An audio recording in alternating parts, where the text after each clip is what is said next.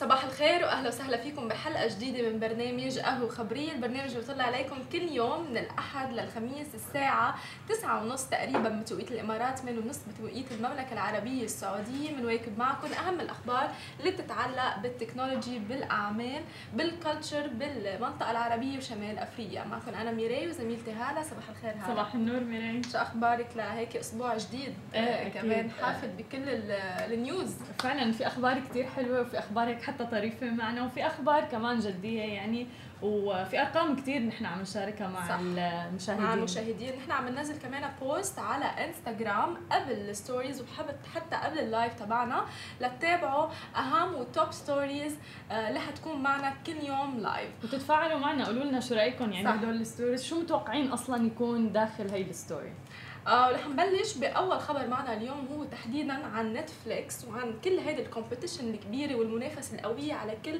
آه الشبكات أو المنصات اللي بتعني بنفس الخدمة نتفليكس وهلأ عم نشوف مؤخرا العديد من آه الشركات الكبيرة عم بتنزل نفس الخدمات مثل امازون مثل ابل بلس ابل تي في وديزني بلس وغيرها. ونتفليكس عم بتضخ أكثر من 420 مليون دولار لإنتاج محتوى هندي خلال 2019 2020 أنتم متخيلين 420 مليون دولار لتنتج نتفليكس محتوى هندي بس وال target audience تبعها آه، بالهند. وأنتم بتعرفوا قد إيه في آه، عالم بالهند حول العالم كله مش بس آه، بمدينة آه، أو بمنطقة الهند تحديدا.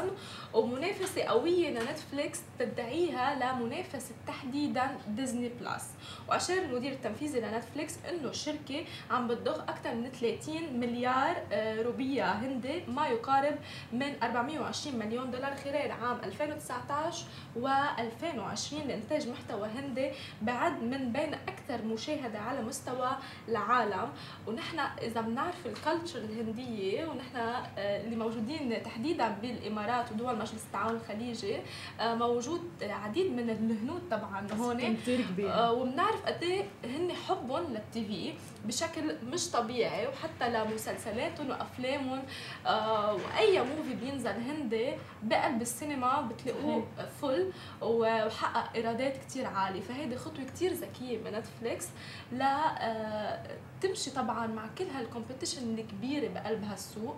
ونحن بعدين رح نحكي segment خصيصا هلا بكل المنصات اللي بتعني مثل نتفليكس وغيرها. البث المباشر صح بث المباشر. حنحكي عنهم. حنحكي عن ايراداتهم نسبة المشاهدة عن أرقام كتير هائلة عن أرقام كتير دقيقة. آه رح نخصص segment كتير خاص مع زميلنا عبد المحسن. stay tuned طبعا.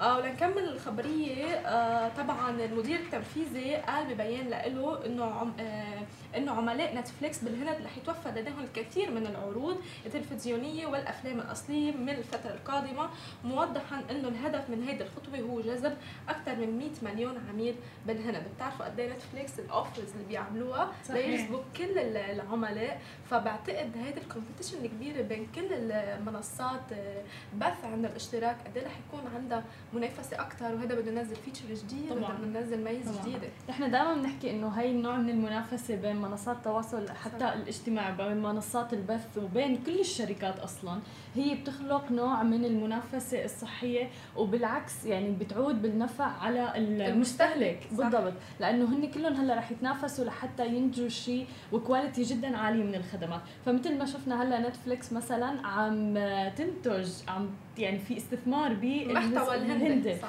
و- واصلا الشريحه يعني الشريحه الهنديه هي شريحة كتير كبيرة بكل المجتمعات. وغير هذا كله كمان آه، أصلا already على نتفليكس كان في مسلسلات هندية. أنا بعرف كتير ناس كانت فعلا عم تحضرها سواء كانوا هنود أو لا. صح. وبتوقع نتفليكس كانت عم تعمل testing واختبار لهي كيف رح. يكون صدى هي المسلسلات وشافت صدى جدا كثير عالي. عالي صح. يعني في أتوقع مسلسل اسمه The Office جاب صدى كتير عالي أرباح جدا جدا جدا عالية فبالتالي هذا الشيء أدى لأنه يستثمروا بشكل أكبر صح بيعملوا أكيد دراسات. مثل ما ذكرت. قبل وبيعملوا testing وكمان هلا بتجي الإشارة إنه رح يكون منافس كتير قوي ليوب تي في. يوب تي في موجودة بالشرق الأوسط وباكستان بالهند وهون كمان بالشرق الأوسط آه، وهن المنصة بس بتعني بكل شيء محتوى بيتعلق بالمحتوى الهندي والباكستاني ونحن بنعرف قد إيه في جماهير كتير كبيرة. فبعتقد. كمان نتفليكس رح يكون عندها ال competition كتير قوي مع يوب تي في وبتواصل نتفليكس الرهان بشدة على الهند واحدة من أكبر اسواق الترفيه بالعالم حيث تنافس مع أكثر من 30 منافسا آه، من بيناتهم طبعا آه، ديزني بلس آه، أكيد. في منافسة فعلا. يعني في حرب هلأ عم بتكون بيناتهم. آه عندك ديزني بلس نتفليكس امازون كلياتهم ابل تي في. كلياتهم. صحيح. وهلا خلينا ننتقل من الاستثمار بالأفلام ونتفليكس للاستثمار بالشركات الناشئة. ومضة المعروفة هي الشركة الرائده لتمكين الشركات الناشئة عم تستثمر بفليكس باي. آه مبلغ الاستثمار كان 1.5 مليون دولار. آه فليكس باي بتاخذ من الإمارات مقر إلها. آه، هي خدمة لموظفي الشركات بتمكنهم من الحصول على مبلغ أو جزء من راتبهم. أو مستحقاتهم المالية بدون أي فوائد فقط برسوم جدا قليلة. رح تكون مجانا للشركات يعني الشركات فيها تحط آه، تدرج اسمها فيها آه، ولكن آه، يمكن للأفراد الحصول على 50% من الراتب كحد أقصى 500 دولار يعني حوالي 1800 درهم تقريبا. الرسوم رح تكون 25 درهم فقط. الهدف منها هو توفير الاستقرار المالي آه لأنه كثير ناس بيعانوا من الضغوط المالية من الأزمات المالية. وبحسب استطلاع طبعا كل هاي الأمور وكل هاي الأفكار عن الشركات الناشئة بتجي من استطلاعات من أبحاث. فبحسب استطلاع شركة بي دبليو سي السنوي بشأن الاستقرار المالي الأمن والاستقرار المالي للموظفين لعام 2019 طلع إنه السبب الأول والرئيسي للضغط والتوتر هو الضغوطات المالية. فبالتالي Flexpay هي مثل منصة آه، في الواحد آه، يشترك فيها آه، ياخذ جزء من راتبه قبل ما يجي الراتب هلا نحن مثل ما بنعرف الدورة التقليدية مثلا. الرواتب بتكون بآخر الشهر صح فممكن الواحد صابه ضغ- ضغوط مالية أو التزامات مالية معينة بنص الشهر قرر إنه يحصل على مبلغ من الراتب ممكن يطلبه ويحصل عليه وفقط برسم 25 درهم حلو يعني بلا فوائد يمكن مثل هذا لون صغير بدون آه، فوائد أو قرض هو جزء من راتبك أنت تاخذيه كمان هو. مستحق أصلا إلك يعني بعتقد رح يت- تشوف صدى كتير كبير صحيح. آه، خاصة هون يعني بالشرق الأوسط آه، يمكن نحن قبل يمكن ما ينزل المعاش الترفيه الناس عم بعدين آه، عم تعد الأيام بتكون صح و- وخاصة بالأعياد يمكن هيدي بتمشي كتير صح. هلا مع إنه شركات آه، بتأكد إنه تنزل المعاشات قبل آه، يمكن الأعياد فترة الأعياد بس ما فيهم يمكن أول الشهر صحيح فبعتقد هيدي فائدة كتير مهمة لكل العالم آه، خاصة بشهر 12 الأعياد و... صحيح وقد إيه فكرة. مبتكرة يعني أنا بصراحة ما سمعت فيها ابدا قبل إنه يعملوا منصة لهذا. الشيء آه ومن دون فوائد مم. ابدا هذا بيأكد هلا نحن قاعدين عملنا العديد مع ال- ال- ال- ال guest اللي بيجي لعنا على Smashi TV وقالوا لنا إنه لما الواحد بده يعمل تطبيق أو بده يعمل بزنس معين لازم يطلع وين في فجوة أو وين في مشكلة صحيح بعتقد. هذه مشكلة شخصية قاموا بابتكار صحيح. هيدي المنصه ال- أو هيدا التطبيق بالضبط وطبعا تطبيق كتير ذكي وكل العالم رح تستفيد منه أكيد وأكيد هذا دليل كبير على إنه ومضة استثمرت فيه بمبلغ 1.5 مليون دولار يعني مبلغ كثير كبير. فهذا بدل على إنه فعلا أكيد الفكرة يعني رح تكون ناجحة. صح ناجحة.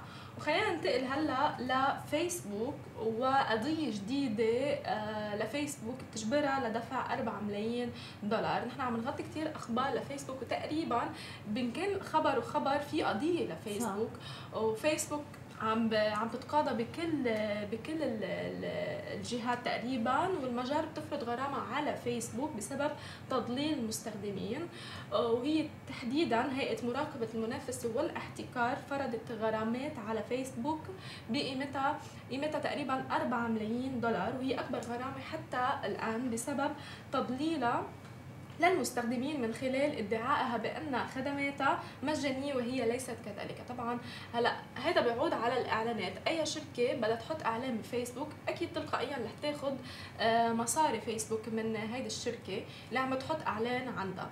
بس بهيدا ال- ال- القضية آه، تقاضت فيسبوك لأنه في عالم قالت إنه أنا مثلا عم تنحط هيدي الدعايات على الفيد تبعي أو على البيج تبعيتي وأنا لازم يندفع لي. فما بعرف قد إيه مصداقية آه، هيدي وقد إيه الأشخاص والأفراد ما أنا مجبورة يمكن تشوف دعايات أو حتى إذا أجبرت تشوف دعايات بدها تقاضى مصاري على آه، هيدي الخبرية. فقد إيه بس فيسبوك دائما بتنوه على إنه بتشتغل على موضوع ال algorithm تبعه بحيث إنه أنا ما يطلع لي الإعلانات غير الإعلانات اللي Exactly. بتناسبني وهيدا- وأنا مهتمة فيها وهذا الموضوع اللي بيحط شكوك كتير عديدة هلا إنه يمكن آه، شركة عملت campaign وعرضته على فيسبوك قامت فيسبوك حطت ال audience target audience غلط. فقامت هيدي الشركة قبل ما يعلنوا طبعا هيئة المراقبة آه، يحطوا غرامة على فيسبوك. هيدي الشركة قالت إنه أنت مش لل target audience تبعيتنا عملتي آه، حطيتي هذا. الإعلان وصار في قضايا ومن بيناتها بلشت هيئة مراقبة المنافسة والإحتكار رفعت قضية وغرمتها لفيسبوك ب 4 ملايين دولار. يعني قد إيه في دقة بهيدي ال social media؟ قد إيه في دقة بيختار الشخص target audience target المحدد كل audience صح؟ وصار آخر شيء يعني من مشكلة واحدة حطت مشاكل عدة إنه الأفراد لازم يكتسبوا مثلا مصاري. أو حتى أنا ماني مهتمة بهالبرودكت ليه بدي تطلع عندي. على الصفحة؟ فقضية كتير غريبة قضية كتير بتحط كم كمان شكوك على فيسبوك وخاصة بالوقت اللي فيسبوك رح تنزل فيه ليبرا بعد كم شهر بأوائل سنة 2020 كل العالم كل الضغوطات عليها آه، من قبل آه، رؤساء من قبل. شركات من قبل حتى هيئة للمراقبة وقالت هيئة المراقبة المجرية أن شركة فيسبوك إيرلاند قد انتهكت القانون بإعلانات منشورة على صفحتها الأولى ومركز المساعدة وأضافت الهيئة رغم أنه لم يكن على المستخدمين دفع رسوم لاستخدام الخدمة إلا أنهم لا زالوا يحققون أرباح الشركة من خلال نشاطاتهم وبياناتهم. وطبعا مثل ما ذكرت أنه هذه القضية حطت فيه شكوك وما في كتير قصص واضحة بهذه الخبرية. رح نرجع نتابعها.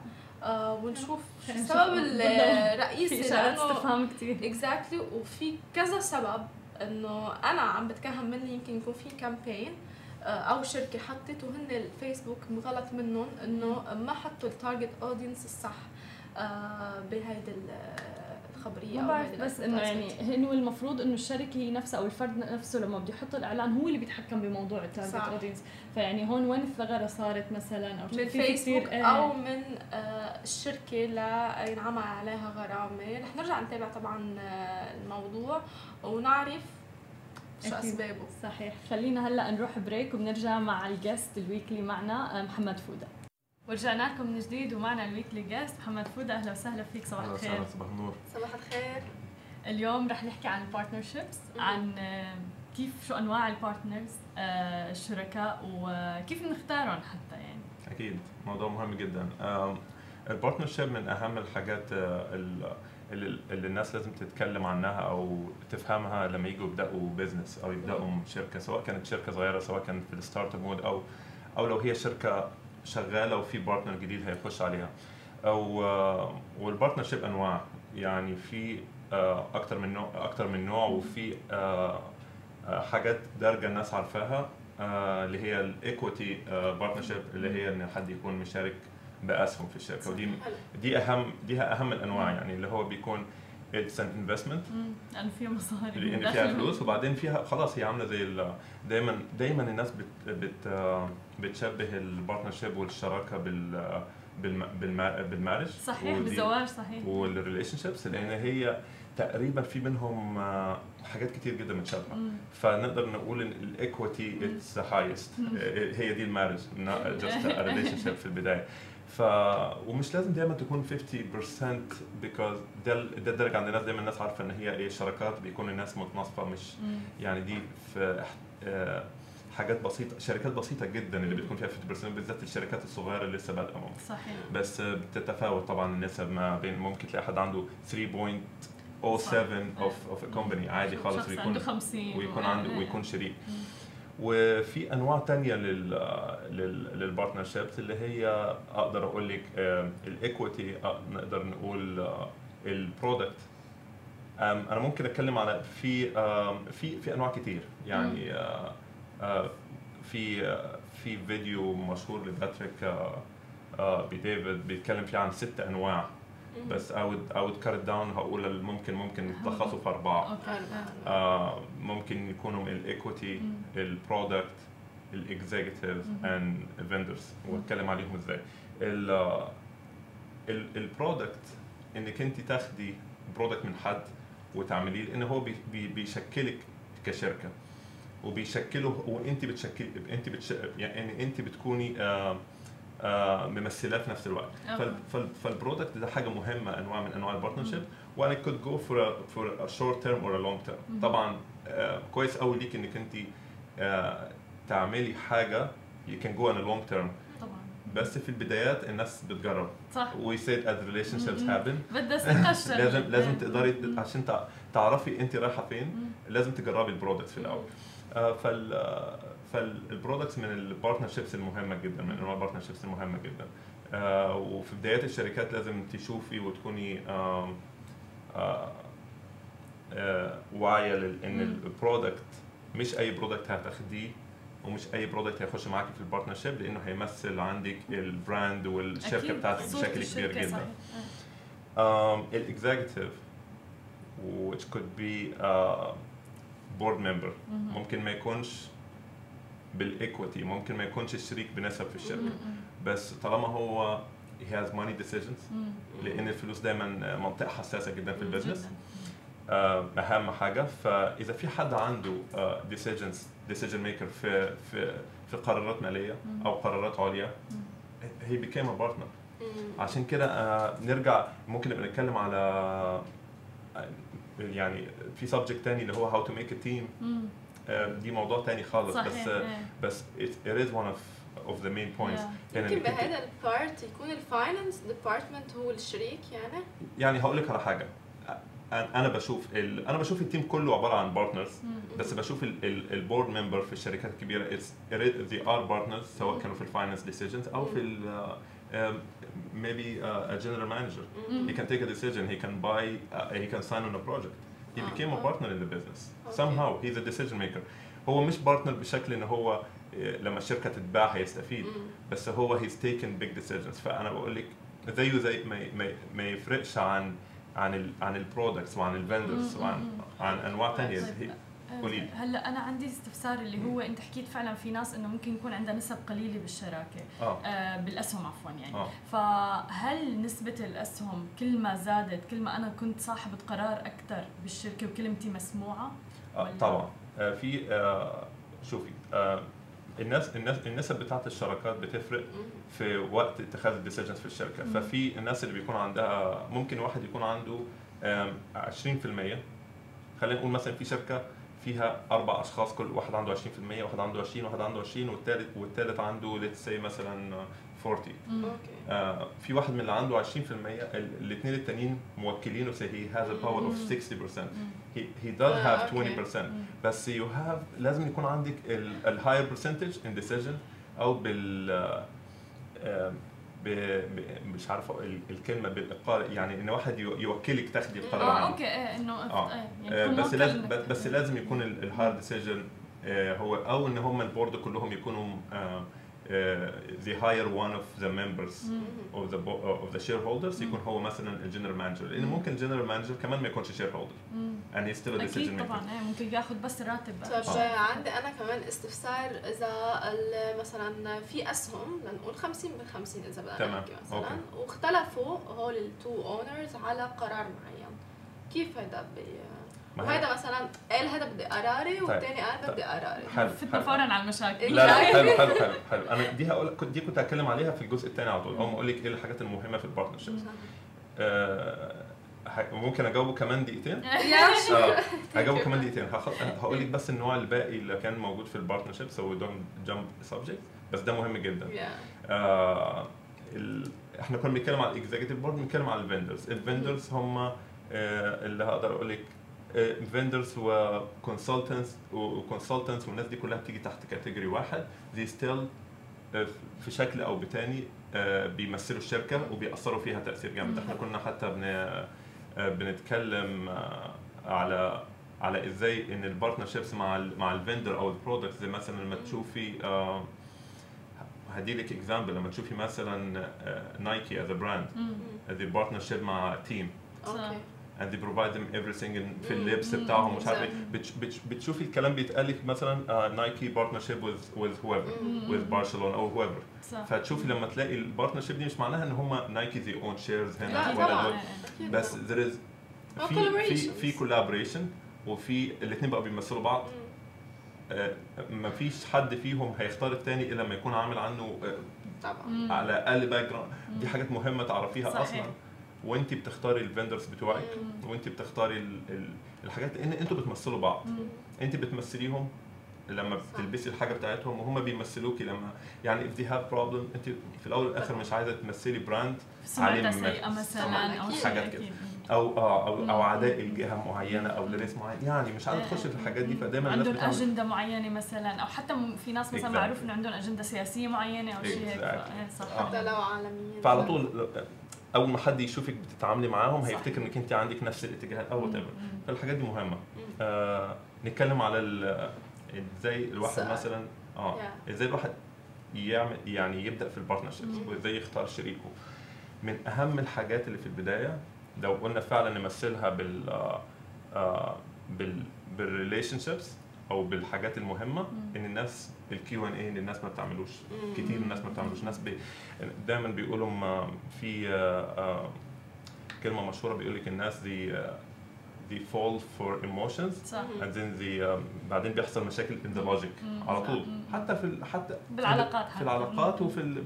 الناس okay we like each other خلاص this is the perfect مم. fit من غير ما يسأل من غير ما يعرف حاجات كتير so you, you need to get to know each other من الحاجات المهمة بقى لما في أول حاجة إن who's the decision maker ما مم. الح- المشكلة دي مش هتحصل إلا معناها المشكلة أنت بتقوليها دي مشكلة كبيرة معناها إن هم أصلا يعني ما حددوش كمان مين ال decision maker. صحيح لأن هو it has to be حتى in written مم. يعني لازم سواء- يعني قبل الاتفاق لازم طبعاً. يحددوا مين طبعا طبعا طب لازم بركي عم يعطي رأيه يعني يدي رأيه okay بس in the end of the day الرئيس بتلاقي عنده board مم. بس هو لازم يكون في decision maker لازم يكون, واحد في الآخر. يعني هم يتفقوا ويعملوا حاجات وياخدوا بالأغلبية الأصوات بس لو كانوا 50 50 في هاي. الاتفاق الأولي هم عارفين مين ال decision maker مين ال COO مين ال general manager هو with the decision. مم. ف فهقول لك على حاجات كتير لازم ال partners يعرفوها عن بعض. الحاجات المهمة. الحاجات المهمة اللي المفروض يتكلموا فيها اللي هي ال roles بتاعتهم اللي هي دي أهم حاجة. آه، أنا عمري ما آه، أروح أعمل partnership مع واحد زيي بالظبط it's not it's not healthy هو لازم. يكون بيكمل مختلف آه، مختلف. آراء. بس في نفس الوقت in the same vision يعني أقول لك شفتي البازل.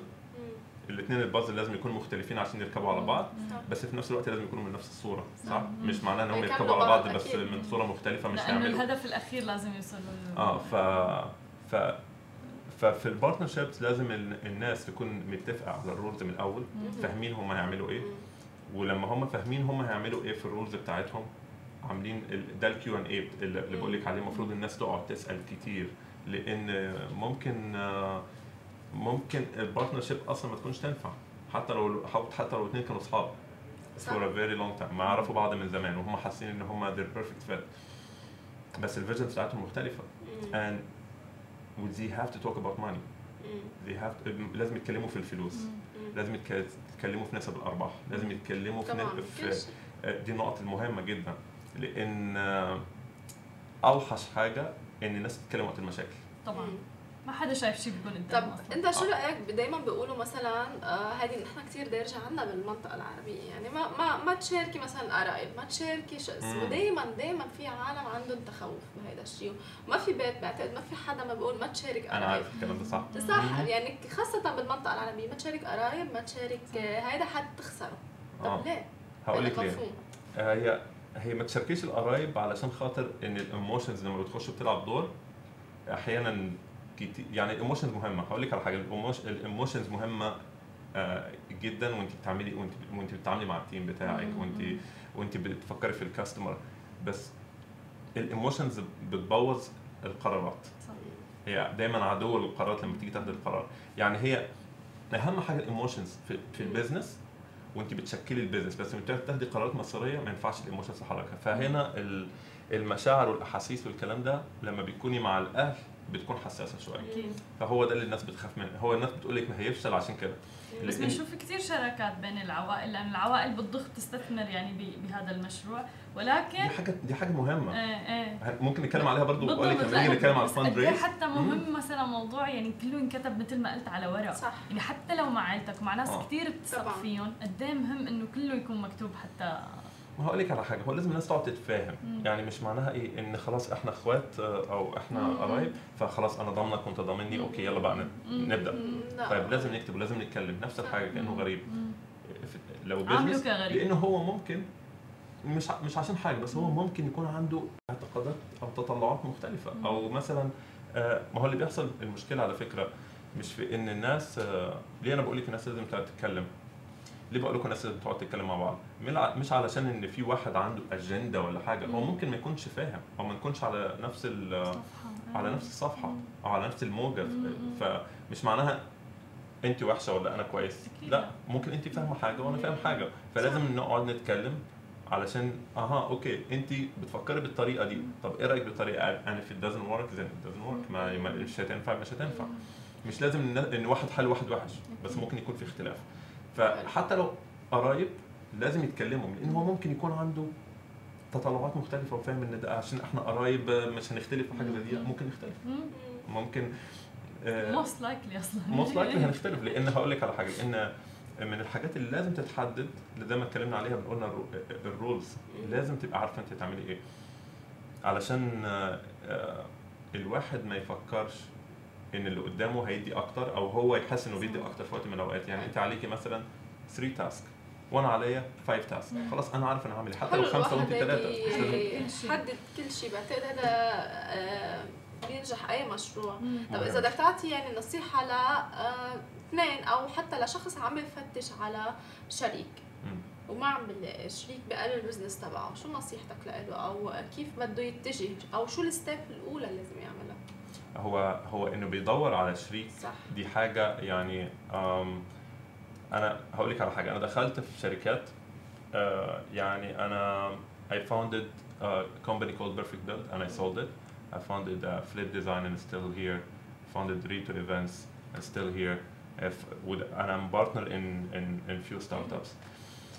يعني عندي businesses دخلتها مع شركاء وبعت الشركة وعندي business دخلتها مع شركاء ولسه فيها وعندي business بدأتها لوحدي. وكل واحدة ليها ديفرنت سيناريو. فاجابتي على السؤال ده أنت لو عندك فكرة وعايز تبدأ ابدأ يعني افرضي. افرضي ما عندكيش. partner دلوقتي. افرضي مش موجود okay ممكن ممكن تبدأي ممكن ال partner يدخل. طب بركي هو بده partner رأس مال يعني هو عنده الفكرة لا دي بقى raise fund دي بقى بيدور على. ال investor ده موضوع آه، تاني آه. هو على فكرة وال investor مهم مهم إن يكون عنده آه، جزء فعال في ال partnership مم. يعني. آه، بالتالي اتكلمنا عليها قبل كده آه، صح. آه، حتى تكون. strategic partnership يعني آه. أو strategic investment هل بيعطي قرار المستثمر لا لا مش لا ما يديش بس مصاري هقول لك على حاجة ال- ال- الاستثمار أنواع يعني في. conversion notes وفي في إن هو يشتري equity. وفي حاجات كتير يعني ممكن آه، يكون هو داخل بفلوس وهياخدها بعد جزء في وقت معين okay وممكن هو داخل. اشترى shares. آه، بس في معظم ال- في الأغلب الأوقات ال investors ما بيكونش ليهم آراء.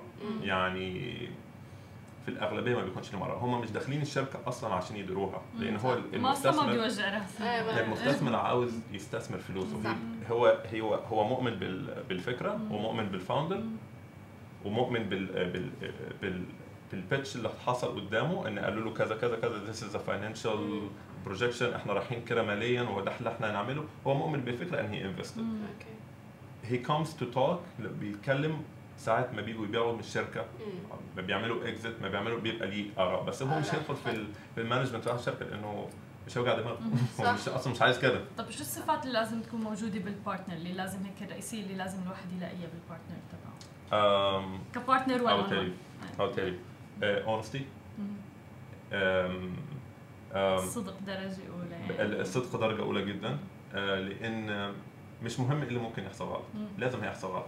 لازم هيحصل مشاكل. صح أكيد. بس هو ال trust لما بتنجرح. بتتكسر بتبقى شوية صعبة إن هي ترجع تاني. things get ugly كده. صح.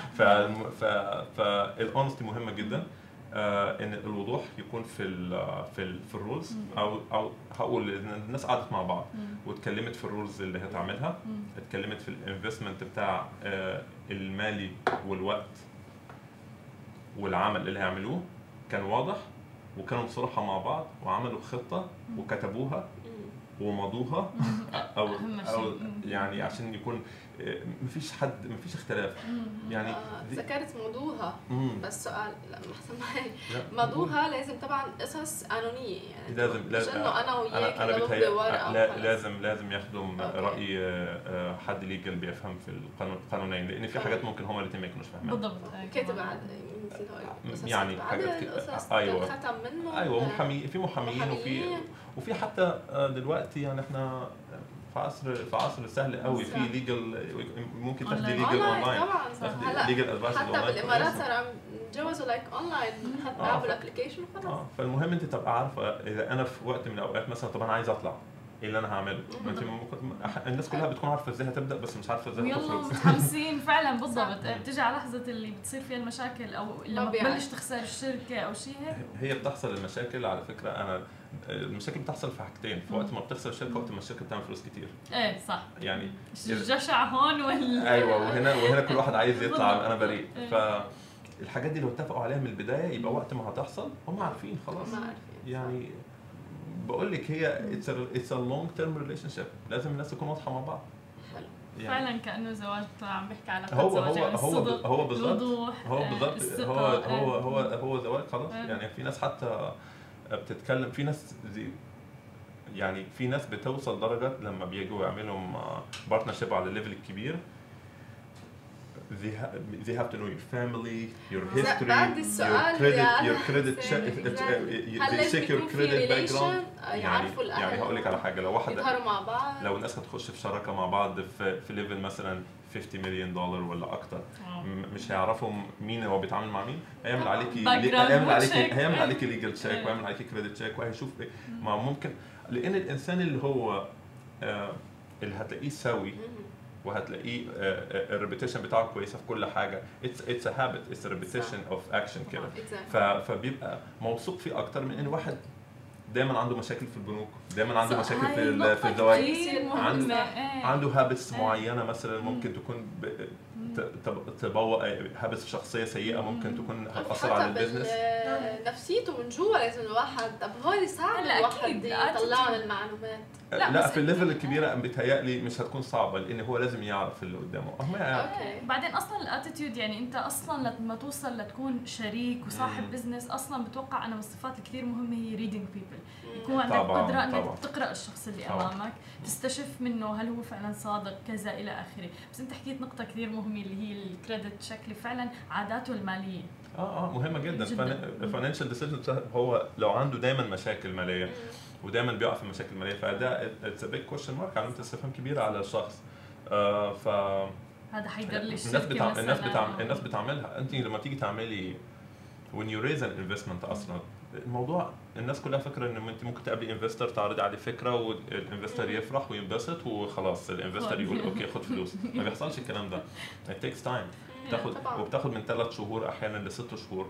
لأن بيحصل check وبيحصل حاجات كتير. زيها نفسها بتحصل في البنك لما تطلبي فلوس من البنك. an investment for a business.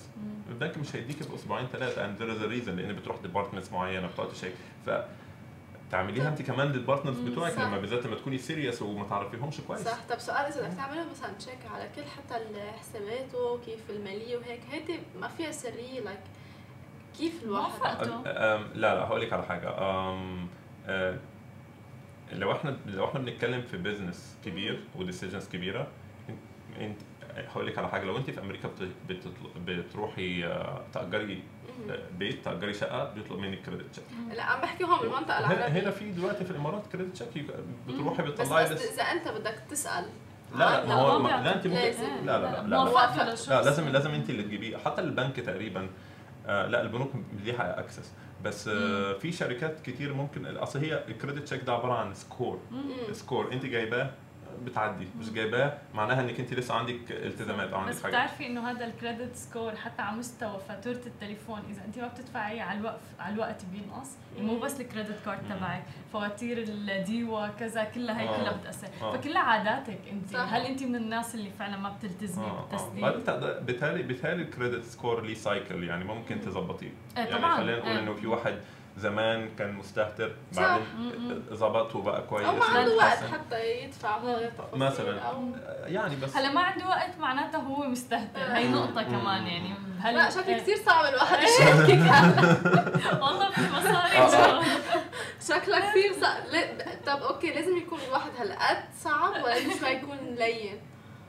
في يعني إيه؟ أنا بتكلم عن. إيه؟ لا، إذا بده يشريك إحنا مثلا شريك مثل هذا إحنا يعني بلشت من هلا لا هو إذا ما دفع إحنا بنقول credit check ده. موضوع تاني بقى. هو على فكره مهم. لو لو الناس ال- اللي هي بتبدأ آه، شركات ناشئة وصغيره وبتفكر بالتفكير ده هتنجح. يعني حلو. بس هو ده مهم لما بيكون الشركات الكبيره يعني ده مهم جدا. لأن لو لو لو معاكي شريك آه، يعني أنت لسه مش عارفة عنه حاجة دي طبعا صعبة. يعني ما حبيت ما تخشيش شركة مع حد ما تعرفيهوش آه، طبعا. على الأقل لو انت لسه لسه عارفاه خدي وقتك. خدي وقتك لأن آه، يعني انت ممكن تكوني عملتي business بالذات لو هو داخل على ال business جديد. أو لو انت داخلة عنده في ال business ممكن تكون turning point في حياتك. يعني مش الموضوع مش سهل. مم. مم. ممكن تكون turning point لإنك أنت you go up in your life وممكن تكون. نهاية ال business طب شو رأيك فمهمة جدا ال partners محمد اللي بي آه، مثلا دغري بدهم يربحوا دغري بدهم. مصاري هل في اتفاق معين كمان مضى عليه بعد لا نقول لأنه نحن بنعرف أي مشروع أقل شيء أقل شيء سنة ما فيك تيجي تاخذ أنت. profit. أقل شيء سنة. هيدا. ال minimum. so هل في يمكن بند الواحد بيقدر يملى عليه إنه لا ما هلا تحكي لي بدك مصاري في ال contracts ممكن تكتبي حاجات كتير. مم. يعني ممكن تكتبي الكلام الكلام ده. ممكن آه، آه، في شركات آه، كبيرة أنا أنا أعرفها شخصيا بيتاخد جزء من ال profit كل سنة. وكل الشركات الكبيرة كده بس أنا بتكلم حتى على المعارف الشخصية بيهم. بيتاخد لسه هم بيعملوا revenue 100 مليون في السنة. أو profit بيتاخد 50% بيخش في في, في الشركة ما بتقربلوش والباقي هو اللي بيتوزع على على الشركة. يعني حتى في ال net profit بيتاخد الشركة؟ الشركة؟ اللي بتكبر the okay. growth of the, company. خلينا نقول دلوقتي إحنا خلينا نقول scale صغير. خلينا نقول آه، أنا وانت شاركنا وفتحنا say an optical center. آه. زي team مثلا أو مم. أي حاجة. بدون ذكر أسماء. say مم. our optical center. فتحناه. آه، أول سنة عملنا 200000 ارباح اخذنا ال 200000 أنت خدت 100 وأنا اخدت 100 وخلاص. عمرنا ما هنكبر. فاهمة.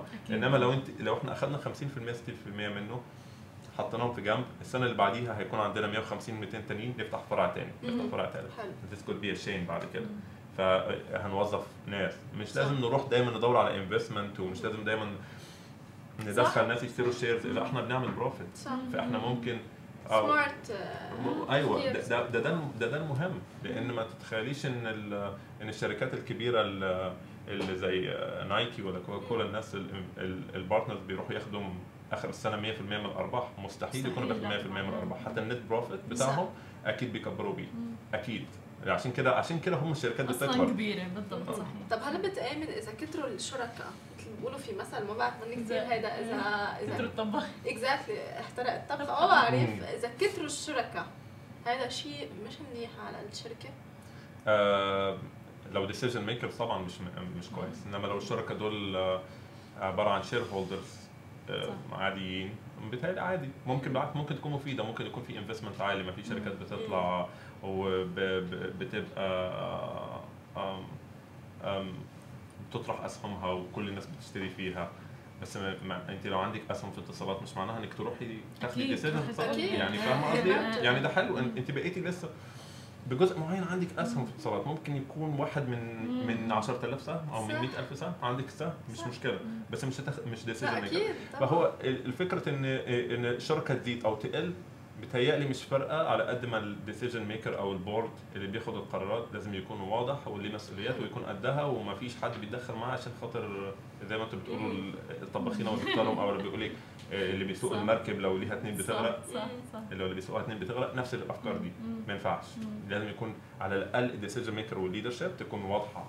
كل شركة حلو مع مع مع بقى الشركة سواء كانوا 10 20 أو 2 أو 3 حلو كثير مم. آه شكرا كثير أنا كثير استمتعت اليوم. كثير في معلومات عندي. عندي قبل ما نختم عندي سؤال. تفضل لازم أقوله. آه، شو رأيك بهلأ طرح أرامكو؟ آه، بالسعودية. وهلأ كل العالم يمكن من كل الجنسيات آه، مش بس دول مجلس التعاون الخليجي كمان الأجانب المواطنين بالمملكة العربية السعودية عم يشتروا أسهم بأرامكو. انت هيك تطلعاتك لبعدين للشركة؟ آه، هل هذا الشيء بيفيدها كشركة؟ وبيفيد الأفراد اللي عم يشتروا أسهم؟ والله هقول لك على حاجة. آه، ما لما الشركات بتطرح اسهمها آم، يعني هو في الأغلب لمصلحه الشركة يعني القرار دايما بيتاخد لمصلحه الشركة مم. عشان يزودوا ال investment. أنا شايف إن آه، إن أرامكو شايف إن السعودية أصلا آه، آه، السوق في الفترة اللي جاية سوق ممتاز. يعني السعودية آه يعني إحنا اتكلمنا قبل قبل كده أنا بيتهيألي ذا hottest دلوقتي في الوطن العربي السعودية ومصر. ال investment هناك. أنا شايف. إن في الخمس سنين الجاية لأن واضح ال development. واضح الخط واضح بقاله مثلا السنتين اللي فاتت ماشي لفوق وال lanes مفتوحة الحاجات بتتبني ف- فبيتهيألي من ال من من الأماكن الكويسة إن يحصل فيها investment السعودية. أرامكو إن هي تطرح وت- وتعلي ال investment وت- وتدخل الناس من بره آه، فكرة ذكية لأن آه، آه، دخول المستثمرين ال- ال- ال- اللي في الخارج. دايما بينعش الاقتصاد عندك وبيخلي ال- المصالح تبقى مشتركة. مم. فتخلي. ال support. يعلى. صح. دايما طب كده ما فكرت تشتري أسهم؟ لا. لسه. يمكن لازم كنت تحضرنا كل يوم. قد ما بنشجع. على أرامكو. فارامكو آه okay okay. لا لا ممكن ليه لا ممكن قريب بس آم، لسه آه. طيب thank you كثير هلا صار فينا نختم لا. thank you لك محمد ونشوفك الأسبوع الجاي كمان معنا. موضوع جديد. TV صح. آه، رح نروح break ورح نرجع بعد شوي مع أخبارنا ومع ال guest الثاني ورجعنا لكم من جديد ومعنا ضيف آه عبد الله نجم. أهلا وسهلا أهلا فيك. آه. رائد أعمال ومؤسس مشروع Water One Water صباح الخير. صباح النور. كيف حالكم؟ تمام. أنت شكرا كيفك؟ شكرا على الاستضافة. ولو. آه حابين نعرف منك كيف بدت فكرة Water One وكيف بلشتوا الفكرة؟ واحكي لنا هيك introduction أكثر حلو ممتاز. طبعا أنا انتقلت في انتقلت في دبي آه، حوالي سنة وسبع شهور حاليا. أول ما انتقلت طبعا آه، في البداية كنت أنا عايش في شقة لوحدي. وكنت كل خميس ارجع أروح على كارفور. أشيل معي 3 cases water okay. فدائما إنه ما أقدر اي كانوت تيك أكثر من ثلاث cases. وما أقدر أخذ أقل. صح لأن ثلاثة ما تكفيني حوالي أسبوع. وإذا أقل ما بتكفيني أسبوع ما أقدر اشيل أكثر لأن. فيها وزن. فبديت أسأل حوالي لأن في مكان مثلا أقدر أنا أطلب أنا في آه، اللي هو ماي. ثم تم يقولون لي كذا تطبيق. إلكتروني تم يقولون لي كذا مثلا تقدر تتصل على زوم direct أو. تتصل على آه، اللي هو كارفور عندهم طبعا ال website مالهم وعندهم حتى لولو هايبر ماركت عندهم. ال website مالهم فبديت أنا أشيك حوالي بعدين ركزت شفت إن كل شركة فيهم هذه أو كل تطبيق آه، عندهم هم تركيزهم مو بالماي نفسه. تركيزهم طبعا على ال grocery على. البضائع الثانية. وما في شغلة إن هي مركزة على ال grocery يعني على على الماي نفسه صح. فتميت تميت أقرأ عن طبعا ال industry مال الماي. شفت إن ال industry مال الماي حوالي هو آه، مليونين درهم في في البلد هنا في الإمارات. ولحد الآن شغالين على ال old fashion. اللي هم الناس طالعين دائما تتصل صح. على ال call center تطلب الماي وقليل اللي فيه اللي هو ال stores اللي حواليهم اللي هم عندهم facilities اللي يوصلون. فتناقشت مع طبعا آه، الشركين الشركاء اللي معاي عندي عندي شريكين معاي. تناقشت معاهم قلنا لهم إيش رأيكم في هالفكرة؟ هم كان عندهم فكرة similar بس على شغلة ثانية.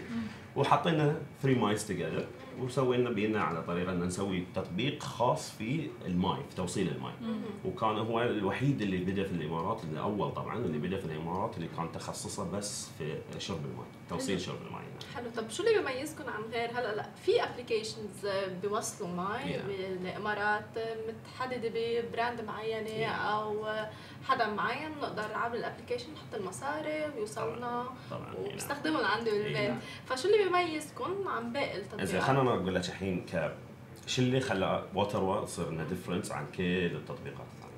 الحين أنت نفس ما قلتي أنت كل brand له تطبيقه لروحه حلو هاي واحد. عندك إحنا مشكلة مثلا الحين أنا إذا بروح خلينا نقول offline ونتحكى عن اون لاين ونتحكى عن offline. okay ال offline نفسه أنا بروح السوبر ماركت نفسه بروح أشتري ماي طبعا أكثر ال varieties of brands of water موجود. الحين حاليا طبعا الشعب دائما مثقف أكثر. عارف إنه هو شنو الماي اللي يحتاجه أكثر؟ صح. عارف الكم الكميات يعني. الصوديوم ما صوديوم low صوديوم zero صوديوم. طبعا إي نعم. ومن وين جاي؟ هاي جاي من جبل الفلاني. وهاي جاي من فيعني الناس الحين فاهمة متوعية أكثر. صح. فأنا أنا أروح مثلا سوبر ماركت دائما بحصل من 20 ل 30 maximum 50 نوع brand صح. على على ال shelf هاي واحد. فأنا كسرت هذا المشكلة إنه الحين ما في اللي هو بدل 50 أقدر أحصل 60 80 brand في مكان واحد أقدر أختار منهم. هاي. واحد.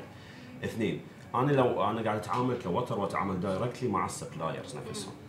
اليوم إذا أنا بروح السوبر ماركت خلينا نقول بروح زوم اللي جنب البيت عندي. convenient جنب البيت عندي. باخذ آه، 200 case. okay. 100 300 case. ما ما راح يكون عندهم 300 أي case. طبعاً، في أكيد. إي نعم.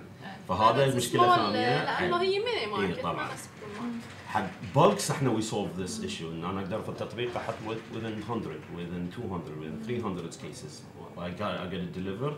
I I I eliminate اللي هو تعال شيل الماي أوقف على الكيشير أدفع و و و وصل أو اشيله للبيت. هاي خلاص يروح يوصل لي ليه عند الباب وأنا دافع عليه ونخلص كل شيء. هذا طبعا ال- المشاكل إحنا حليناها ال convenient طبعا من ال varieties من ال brand كمية الأنواع الموجودة.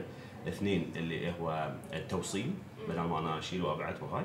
وشغلة ثانية إحنا بدينا نسوي اللي هو ال filtration في نعم. التطبيق نفسه. أنت تقدرين تدشين على التطبيق تشوفين شنو أنواع الماي؟ مثلا أنا أشرب دائما 500 ملي شنو أنواع الماي اللي عندهم 500 500 ملي. وشنو. مميزاتهم؟ في كل ال brand وأقدر أقارن شنو هذا أسعاره شنو هذا أسعاره شنو راح يكلف هاي من وين جاي هاي من وين. فان هاي يعطيني إن إحنا اللي هو نفس ما specialization في ال- في الماي نفسه. إن أنا أعرف الحين شنو الماي ذي من وين جاي شنو مكوناته شنو سعره. وفي description عنه بكل في عليه في عليه. ال description حلو.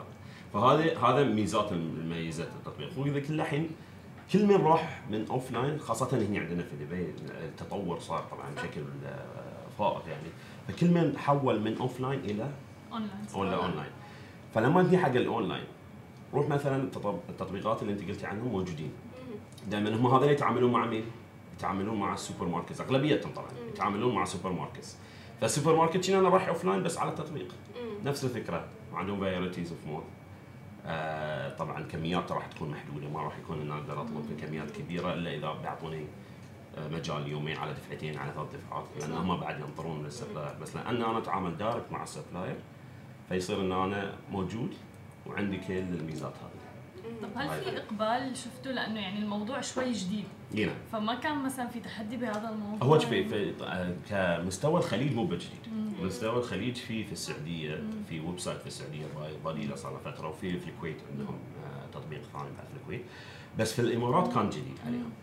الإقبال آه، إحنا في البداية ما توقعنا. إحنا في البداية اول ما بدينا بديناها إن ك lean startup model فجينا our first draft we created we went online we was like let's see إن الماركت بيتقبل هالشيء ولا ما راح يتقبل هو هالشيء. جديد بس خلينا نوضح جديد بالنسبة إنه فكرة. عندك كل ال لا كل في حتى في. الأول في الأول أول ما بدينا كانوا كانوا يطلبوا أونلاين؟ كانوا ست ست براندات أول ما بدينا.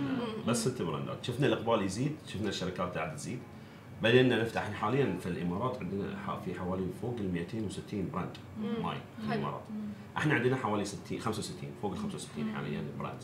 وعن كل كل شهر قاعد نضيف brand براندين brand براندين brand براندين. كل شهر شغالين عليهم فالإقبال صار إحنا إحنا ما تفاجئنا طبعا.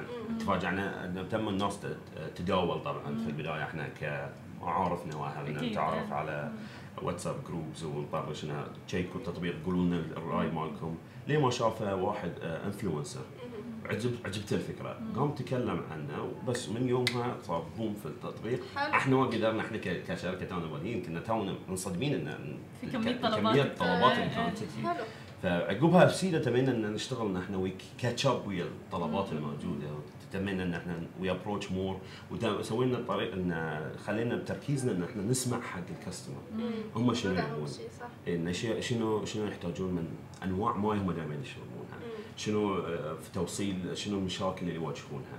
فتمنى نصير إحنا ويا ال customer أكثر فعشان نحل ال customer فهذا هذا اللي خلى ال retention مال ال customer يعني اليوم من بدينا صار لي الناس بدأت طلبوا معي. أول شهر ليوم عندي موجودين. حوالي وياهم. حلو في loyal customers في loyal customer من أول شهر ليوم. قاعدين شغالين. آه، ذكرت عبد الله إنه influencer هو آه، حكى عن التطبيق. تبعكم. قد إيه أهمية يمكن ال social media أو حتى المؤثرين بالمجتمع لتطبيق جديد أو حتى شركة جديدة تنشهر وتروح هيك. صحيح. آه، دغري يعني يعني- تعب شوي. هو طبعا إحنا الحين كل شيء تطور صح. حتى حتى في ال marketing نفسه قاعد يتطور قبل إحنا كان عندنا ناس وايد تركز على offline أنا إذا عندي billboard على الشارع على مثلا main highway يفرق. الحين حاليا إذا مثلا فلان الفلاني ك social media influencer تكلم عن تطبيقي تفرق. الناس هذا تتابعه الناس. مثلا بالملايين تتابعه والناس هذا هو يقول اطلب من هذا أو مثلا شيكت هذا عجبني تلاقي يجي معاه يجي معاه يعني وفد. يعني فيا طبعا مؤثر. ويسوي له shortcuts كبيرة. هل عم تفكروا مثلا تتعاملوا مع influencers أكثر؟ بعدين إحنا إحنا كنا في الأول ما كنا حاطين في بالنا. طبعا. بس عقب ما صارت هذه ال- الخطوة اللي صارت في البداية بدينا يعني من فترة وفتره يعني نكلم influencer ونشوف في منهم يعني هم تلاقين يشوفون التطبيق يأخذونه ويتكلمون عنه. خاصة إحنا لأن التركيز مالنا إحنا ك market التركيز في من بدينا مؤخرا يعني التركيز كان آه، على الإماراتيين المواطنين. لأن هم الناس اللي يطلبون بالكس صح يعني صح. في الناس اللي مثلا قاعدين في مثلا 1 1 bedroom studio ما بيطلب 10 كراتين ماي. لا طبعا؟ اي ما اللي يحطهم بعدين فطبعا ال- الناس اللي عندهم منازل اللي عندهم house. عندهم ع- عوائل فهم اللي يطلبون كميات. ف قدرنا انه نتواصل على الناس اللي ما عندهم ال majority مال المواطنين يعني. فطبعا يعني. حلو. آه، ذكرت كم brand عندكم؟ كم اوفر 65 أنا over 65 طب هول 65 إذا أنا بدي أعمل يمكن search بال بالإمارات ما رح لاقيهم هل ممكن بتجيبوا. مي؟ صح. هلا إيه. بتجيبوا مي أنتم من برا مش ممكن تنلاقى بالسوبر ماركت هو لا شوف إحنا إحنا ما نجيب ماي من صوبنا. إحنا إحنا market platform. إحنا نعلن نفس مثلا كفكر طلبات قبل okay. آه، إنه يحطون مطاعم والناس تدخل المطاعم. بس انه they own- don't own دي دي don't هذول own الم- بس ال supplier. اي suppliers فأنا نفس الشيء أنا أتعامل مع ال supplier بس طبعا في عندي أنا كذا brands آه، مثلا مثال كمثال عندك أنا ما بقول أسامي brand ات بس كمثال في عندي brand ات جاية كان دخلت معي توها بادية في الإمارات. بس عارفة مسامع عن water وشايفه water ولا ال traction اللي water وتجيب حلو. فسيدك تواصلوا معنا قالوا إحنا نبي نبتدي بس نبي نبتدي نحطه معاكم بعد. فعندي brand ات لحد الآن اذا رحتي مثلا آه، سوبر ماركت كبير اللي. مو مو موجوده إيه إنه 65 ماركه يعني هلأ إيه. إذا أنا بدي أعد يمكن بعد 10 بعرفهم إيه. بس يعني لا، أكثر من هيك. 200 264 في الإمارات. هذا آه، دليل. قد إيه قوي ال marketing. على ال يعني مستغرب إن الموضوع ليه يومك هذا it's offline يعني the whole process it's offline تتصل على call center بغيت ماي هذا العنوان ويوصلون ما ما حد ما حد دخل في الموضوع إنه يسويها اونلاين أنا سمعت من ال supplier نفسهم يوم قعدت معاهم قالوا انه آه، في ناس already approached من قبل انه يبون يسوونه اونلاين بس انه الماي ال business مال ماي is very tricky لأن هو it's day to day product. وال margin ماله very thin ف you need to like crack ال formula خلينا إيه، إيه، نقول. to يعني- actually do business with في الهاي. حلو.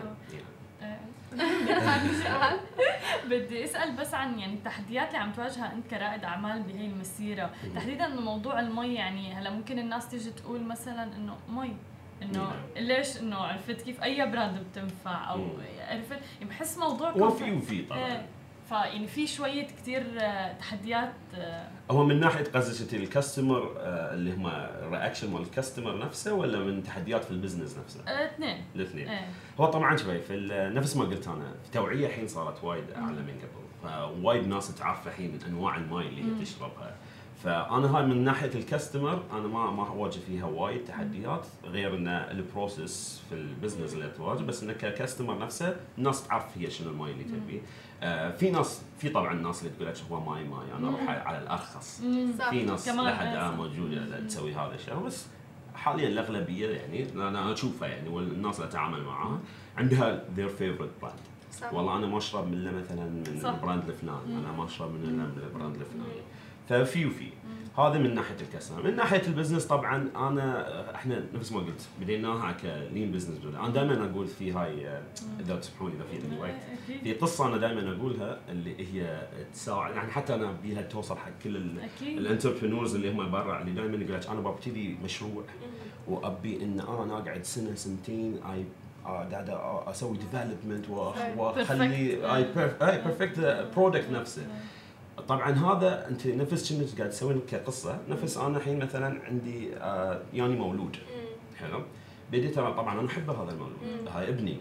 فأنا بربيه وأخليه إنه يكون من أحسن الناس. فبحبه وبربيه و I provide حق حق هذا المولود. ليه ما يكبر؟ يوصل عمره 18 سنة. بعدين هذا المولود بيوصل مرحلة إنه لازم يطلع يشوف. البلد يشوف الدنيا. فبعد 18 سنة خليه يطلع في الشارع. راح يطلع ب mentality إن كل الناس تحبني أنا كل شيء موجود صح. عندي وإلى فيطلع شيء يصيده يصيده صدمه إحباط. أحباط. فينكسر مشاكل صح. طبعا ك startup نفس الفكرة إذا أنا خليت startup أبنيها حق سنة سنتين إن على أساس إنها تصير perfect وطلعتها برا وال market ما يستقبل ال market ما يتحمل هذا أو ال market ما يبي هذا الشيء. فشي يصير فيه؟ ينكسر. ينكسر. غير عن الطفل لما أنا مثلا عمره ست سبع سنين. اطلع يطلع في البداية قدام البيت في الشارع يلعب كرة مع الصغيرات يعني يشوف الناس يشوف العالم experience فيصير إنه هو نفس يوقع إحنا يتعلم. نحن نفسنا نسميه هو آه، شاطر شاطر دنيا نفس ما نقول إحنا. وهذا يكبر تلاقينا يصير إنه نفس ما نقول حرك إنه يعرف شيء يتصرف يعرف يدير يعني ويصير ويصير. شخصيته قوية. صح. نفس التطبيق نفس ال startup. startup كبداية عشان كذا أنا أول draft رحنا فيه live لأن أنا أنا ما أعرف ال market شنو يبي. صح. ومنها لو انت شفت الحين كذا. You كذا ابديت صار إيه. كذا ابديت من أول version لليوم تطبيق تماما مختلف ك ك يعني الفن... ال- ال idea واحدة بس ال- ك functionality انه شلون أنا أدش مختلفين. وشلون في البداية لما دخلنا إحنا لليوم ما ما عندنا فكر ان إن أنا أسوي مثلا ال account إن أسوي account في يصير account في الآخر بس ما يصير إن account من البداية أدش وأسوي account ليش؟ لأن أنا أتعامل مع ناس هم household مربين بيوت ناس آه، ما ما مو دائما اللي هو في ال application صح. بسوي التطبيق وبسوي ال account حلو الإيميل. بعين الاعتبار طبعا الأشخاص اللي منا طبعاً. كثير يعني صحبة مع طبعا اي فانا سويتها catering حق هذيل. الناس. فصارنا step very easy أطلع تليفون أربع طقات أنا طالب الماي هذا أهم شيء يكون إيه. كثير يعني فعلا لأنه فعلا أصحاب المنازل إيه يعني. ربات المنازل كذا مثلا كله يكون فيه إيه. يستخدموا حد أنا ما عرفت هالشيء إلا لأن أنا سويت اللي. app model حطيته في ال market شفت الناس شنو يسوون. شفت أنا حط اذا حطيت account طلبات تنزل. شيل ال account طلبات ترتفع. فانت تعرف الحين ال market آه، شنو. تشوف ال suppliers نفسهم هم شنو اللي يمشي معاهم آه، ممتاز. يعني في البداية أول ما حطيت كانوا يوصل لهم مثلا خلينا نقول إيميل بعدين صار إنهم يبون sheet عندهم يبون dashboard يطقون. فأنا عارف هم شنو يبون. فاي cater حق كل شركة individually. ف this yeah, this and this اللي هو build the application itself. يعني حلو حلو. طيب آه كمان فينا نتطرق لموضوع إنه كمان أنتم مو بس بتوصلوا للمنازل أو هيك شيء أنا شفت كمان إنه على ال website إنه أنتم بتوصلوا للمساجد المساجد طبعا حلو. هاي هاي شغلة بعد من الناس اللي feedback اللي تجي من ال customer نفسه طبعا اليوم إذا واحد يبي يسوي عمل خير مم. يبي يتصدق بالماي في المساجد دائما الحين ال process خاصة في رمضان يعني على صح، تزيد في. رمضان في ال- الفعاليات الخيرية فالناس شو تسوي حاليا؟ تروح تأخذ تطرش الدريول مثلا أو ال driver اللي عندهم أو تطرش أحد من عيالهم يروح يشتري الماي على صعب المسجد. ويقول له يقول له. ويقول له انها هاي فاعل خير. فطبعا هذا فيها تشوفي كم كم process طرش ال- مثلا شخص المعني يشتري يشتري one one ويروح. transaction في هذا. يشيل يمكن يو معاه اثنين على أساس ان الوزن يرجع مرة ثانية هذا وقت كامل ضايع. فبدينا نسوي حطينا اللي هو سقيا سقيا الماء. سقيا الماء اللي هو ال feature ماله إن أنت تدش على. على الخريطة تشوف المساجد اللي حواليك. أي مسجد تختار المسجد اللي تبيه حلو. وتتبرع بالماي الكمية اللي تبيها وتدفع طبعا آه، إلكتروني عن طريق ال- عن طريق الأونلاين عن بطاقه الائتمان. والشركة نفسها خلاص توصل الماي ل آه، توصل المي للمسجد نفسه. حلو ف- والعالم عندها ثقة إنه رح يتوصل. هو طبعا إحنا في في في process اللي هو خلف الكواليس إحنا. نسميه على أساس ان نطمن الناس إنه طبعا هذه الماي طبعا في فيها صور فيها sharing حلو. ونتكلمهم ان هذا الماي واصل لأنه في عالم إلى- طبعا. بتحب تعرف إذا هذا الشيء إيه. وخاصه إذا. فاعل خير إيه. يعني وصل و في والله نوعين. في ناس اللي يقول لك أنا أهم شيء النية أنا آه، نيتي اني أتبرع في الماي فأنا أتبرع بس ما أتابع بعدين خلاص آه، ان أنا. هاي فيعني هذا إن هاي النية في نية ثانية يقول لك إنه لا أنا بعرف إن هاي فعل خير دي بتوصل. يعني بيوصل هاي فعل الخير فهذه هذه هذه الناس إحنا already عارفين النوعين فمجهزين نفسنا من حلو. حلوة طبعا كمان للتطبيق للعمل الخيري بشكل عام إيه طبعا اي نعم هو هو هو نفس ما نقول إحنا لازم يعني. you you give and. يعني. give back يعني والناس حابه الشغلة. إحنا نساعدهم صحيح آه طب إذا بدك لنا هيك آخر شيء بركي future plan شيء آه تطوير للتطبيق آه أو حتى يمكن نضيفوا عليه غير هو. حاليا حاليا هو إحنا ضفنا شغلة بس مو مركزين عليه طبعا. ضفنا ال beverages لو أنتم آه. في في عصاير وفي بس إحنا مو مركزين عليه مركزين على على الماي لأن. وخل- العصاير ضفناها ك extra انه. مثلا واحد عنده عيال يبي يشتري ماي حق البيت يبي يشتري لهم عصاير حق المدارس فإنه موجود بس مو مركزين عليه إحنا ال- ال- التخطيط إن إحنا نسوي إحنا اللي حاليا لأن أنت تطلبين من suppliers. فالتوصيل دائما مو باللي instant يعني أنا أطلب اليوم يوصلني بكرة. لأن أنا طالب من ال supply الفكرة الجديدة الحين كتطوير إن نسوي الدليفري نحسن الدليفري نخلي الوقت مال الدليفري يكون أفضل. هاي واحد. آه، شغلة ثانية اللي هي بدينا بدينا إن إحنا نركز نتكلم الحين في ماركت مختلف يعني. إن شاء الله آه، قريبا نتمنى يعني. نتمنى قريبا راح تشوفون وتر وفرع مو بالامارات فرع حلو حلو، في توسع يعني، في إيه، توسع إن. شاء الله بإذن الله. فهاي إحنا أول مرة نعلن عنها. راح يكون آه، في فرع ثاني إن شاء الله. وشغالين يعني وشغالين. إحنا أنا الهدف مالنا إحنا إنه يوم من الأيام نفس ما قبل إحنا نقول مثلا أنا بطلب آه، مثلا اني الكترونكس. أفكر في امازون أفكر في آه، سوق دوت كوم ايامها أفكر في نون دوت كوم هلا فكر. فهلا الماي خلص. أكيد أفكر في طلبات ديليفر وهاي. إحنا بدنا نوصل مرحلة إن أنا بماي أفكر في حلو. واتر حلو. This is this is the idea. حلو. ثانك يو سو ماتش عبد الله ثانك يو جايز. فور يعني فور موفقين انفايتنج يا يعني و- وإن شاء الله كل التوفيق. تسلم يا thank رب. you هذا كان لقائنا مع عبد الله رح نروح break ورح نرجع مع أخبارنا. ورجعنا لكم من جديد مع خبر واتساب اللي افتتح باب من المكالمات الثانية مثل ما بنعرف إنه واتساب عندها ميزة المكالمات ولكن ما زالت محظورة بدولة الإمارات ولكن سابقا تم الإعلان إنه من آه، من أشخاص جدا بشركة اتصالات وهيك كانوا عم يتناقشوا إنه ممكن رح يتم رفع الحظر قريبا عن مكالمات واتساب تحديدا مع قدوم إكسبو 2020 لأنه في كثير ناس رح تيجي من شتى الدول على دولة الإمارات متعودين على موضوع صح. واتساب calls فكانوا عم بيفكروا إنه رح يتم رفع الحظر عنه واعلنت شركه واتساب عن ميزة جديدة هلأ نحن لما بنتصل بالواتساب calls آه ويكون معنا اتصال تاني عم تفصل بيطلع لك disconnect ولكن الآن في آه خاصيه جديدة بتتحمل مكالمة ثانية هلأ في call waiting بس ما بدي الناس تخربط فيها بال holding اللي إنك تحطي مكالمة على ال hold وبعدين آه، تيجي وتحكي مع الشخص الآخر ومعك حدا على الخط الثاني. هذا لسه ما صار. ولكن فيك تشوفي إنه في شخص عم بيتصل فيكي. لأنه عن جد كثير كان آه، بالواتساب. إيه بالواتساب. كثير مزعج كان الموضوع إنه لما تتصلي بشخص على الواتساب آه بيروح بيطلع لك مثلا إنه disconnected ما بتعرفي الشخص مشغول مانو ما عنده انترنت ولا شو الوضع مم.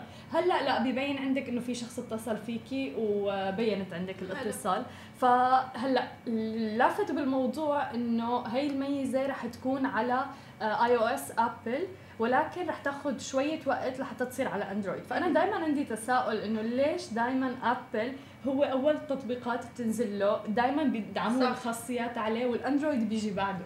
هذا لازم سؤال نحطه عن جد مع إنه كمان مستخدمين آه، امبارح نزلنا انفوجرافيك هلا صح لكمية العالم المستخدمين أو ال ال الانتشار آه، بحول العالم وطلع سامسونج أكثر شيء يعني صحيح. كأرقام إيه. يعني وكدراسات بالضبط بس آه، عن جد لافت للنظر ليه أكثر شيء أول شيء دايماً. اللي هو Apple إيه فلفت نظري الموضوع لأنه دائما لما بشوف أي feature نازلة جديدة أول شيء بتدعم iOS بعدين بدها أسابيع أو أشهر لحتى تدعم حلو. اندرويد هل هو مثلا اندرويد العملية تبعه ال process تاخذ وقت أكثر معقدة أكثر فيها approvals أكثر ولا شو الوضع يعني؟ فملفت كان هذا الموضوع. بعتقد هذا السؤال هذا لازم يروح للتقنيين الموجودين بسامسونج. آه و specially إذا بدنا بالمنطقة العربية يفهموا علينا طبعا إيه. عربي بسؤالنا هل ال procedure مثل ما سألت أنت إنه هي صعبة أو شيء ثاني صحيح صحيح. فلنشوف ولكن آه، هلا نحن على أمل إنه أصلا بس يتم الحظر عن. مكالمات واتساب لأنه كثير في ناس بتحب تستخدمها مع اهاليهم اللي برا وهالأشياء هاي. وهلأ مع هي الخاصيه الجديدة اللي أطلقتها يعني خاصيه كثير حلوة. حلو. آه، فلنشوف ورح تكون ببلاش كمان بدولة إيه. الإمارات. إيه. بيرفكت يعني لأنه أنا آه، هديك اليوم حدا دق لي يعني آه، من غير دولة أو من لبنان على الواتساب دغري أنا سكرت لأنه ما بعرف. بس قالوا لي لأ إنه آه، عم تمشي. الخبر وصل كمان لعنده إنه عنده، هي رح تمشي على ابي مدينة دبي. خطوة كثير مهمة قبل الإكسبو 2020 صحيح. لأنه عالميا العالم متعود يخلص واتساب كول أكيد بيستخدموا الكول مم. طبعا بس مع المقربين واللي الأرقام مسيبة اللي عندهم دغري بي- بيكمشوا التليفون وبيدقوا آه، واتساب آه، صحيح. عن جد حتهين علينا كثير أمور كتير. وحتى الأبلكيشن اللي نحن بننزلها يمكن آه، هي مدفوعة. مثل بوتيم وغيرهم صح. نحكي مع أهالينا برا اوقات كمان بتعلق لأنه في procedure كثير طويلة آه، هلا تستخدميها يا إنه تحطيها ك 4 جي. أو تستخدميها كواي فاي صح. بيختلف الأسعار بين واي فاي و 4 جي 4 جي بتدفع 50 درهم واي فاي بتدفع 100 معقد. درهم إيه. معقد مم. الخبرية وخاصة يمكن للأمهات اللي موجودة هون آه، لأنه ب experience صح. عانيتها إنه لا كيف هيدا بدي ادفع هالقد ومعقده فبعتقد إذا مشيت خاصيه الواتساب رح تهون على العالم كله أكيد أكيد أكيد مليون بالمية يعني فكلياتنا عن جد بانتظارها هلا كان في تخوف شوي من شركات الاتصالات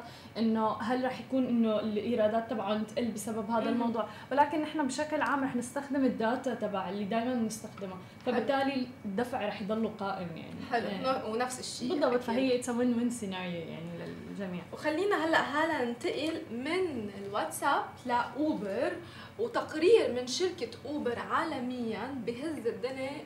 كلها طبعا ولكل مستخدمين أوبر آه نزلت شركة أوبر تقرير وقالت أكثر من 3000 اعتداء جنسي بأمريكا العام الماضي أثناء آه قيادة طبعا أوبر للأشخاص اللي طالبين أوبر طبعا هيدي الخبرية أول شركة عالميا بتنزل قصص هالقد negative- عنا أو. قصص سيئة آه، عم بتواجهها هي قد إيه الجرأة تبعيت آه، أوبر وقد إيه يمكن عندها آه، ثقة بالمستخدمين. تبعيتها لتنزل هيك تقرير يعني؟ صحيح. الفريد من نوعه بحياتنا ما شفنا تقرير عادة لعالم أو ال- ال- اللي عم يعملوا search أو الإحصائيين أو غيرها. هن بينزلوا تقرير لا اوبر نزلت وبتكذبها الشركة صح، غالبا وبتكذبها. أو بتدافع عن حالها يعني بشراسة صح. هلأ لا اوبر اللي نزلت هذا التقرير وكشفت شركة اوبر عن وقوع نحو 3000 حالة اعتداء جنسي بسيارات تعمل لديها بالولايات المتحدة خلال العام الفائت آه، عام 2019 وسط انتقادات كثيره واسعة على ممارسات السلامة اللي بتتبعها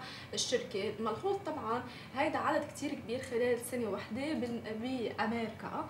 آه نحن عم نواجه هيدي المشاكل بالمنطقة العربية ما بنشوفها يمكن في أكثر تحذير عليها أو في أكثر قوانين عليها. هلأ نحن مثل ما بنعرف إنه أي شخص معه سيارة بيقدر يقدم على مهنة آه، يكون سائق بأوبر. بس بعتقد المنطقة العربية في العديد من القواعد والقوانين لازم الواحد يمشي فيها. آه، تتبع طبعا ثقافة البلد. نحن موجودين فيها بشكل عام. وأضافت أوبر الخميس إنه في تقرير للسلامه طال انتظاره إنه سجلت أكثر من 235 حالة اغتصاب إضافية للحالات الاعتداء العامة اللي صارت. وهيدي هي المرة الأولى اللي بتفصح فيها الشركة عن إحصائيات مثل هذا النوع. وسط آه، طبعا آه، شكوك شديدة على المشرعين والمستهلكين لتحسين سلامة التطبيق. آه، بعتقد أوبر نزلت هذا التقرير لتحسن من من كل الميزات اللي عندها وبعتقد أكثر نزلت هذا التقرير مشان الأشخاص اللي غير مؤهلين يقدموا على شركة اوبر من هون ورايح ما يقدموا.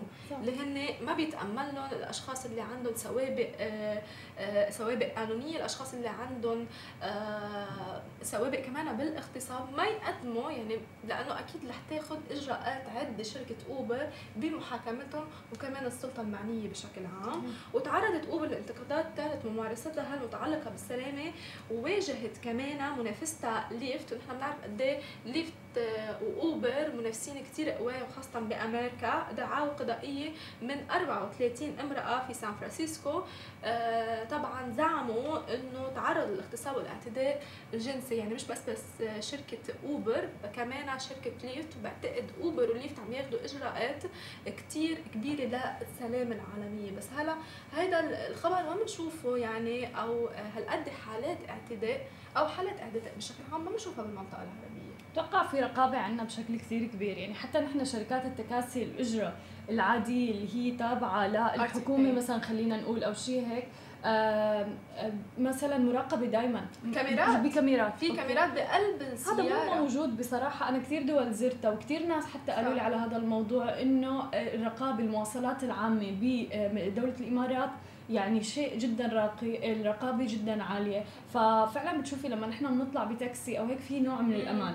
بينما لما حتى هلا اوبر مؤخرا ع- اضافوا خاصية بالمناسبة آه، هون مطبقة بدولة الإمارات. انت لما بت- بتقرري الوجهة اللي بدك تروحي عليها فورا فيك تشاركيها مع ال favorite people تبعك المقربين. آه، آه، المقربين تبعك. فمثلا حتى أنا بيطلع لي إنه مثلا بدك تشاركيها إنه مع هذا الشخص أو هذا الشخص مثلا وأنت بيكون محدد الأشخاص اللي بدك. تشاركيها معهم فبتابعوا إذا صار شيء يعني بتابعوا المشوار. كامل معك. حلو. لتوصلي على المكان اللي أنت فيه.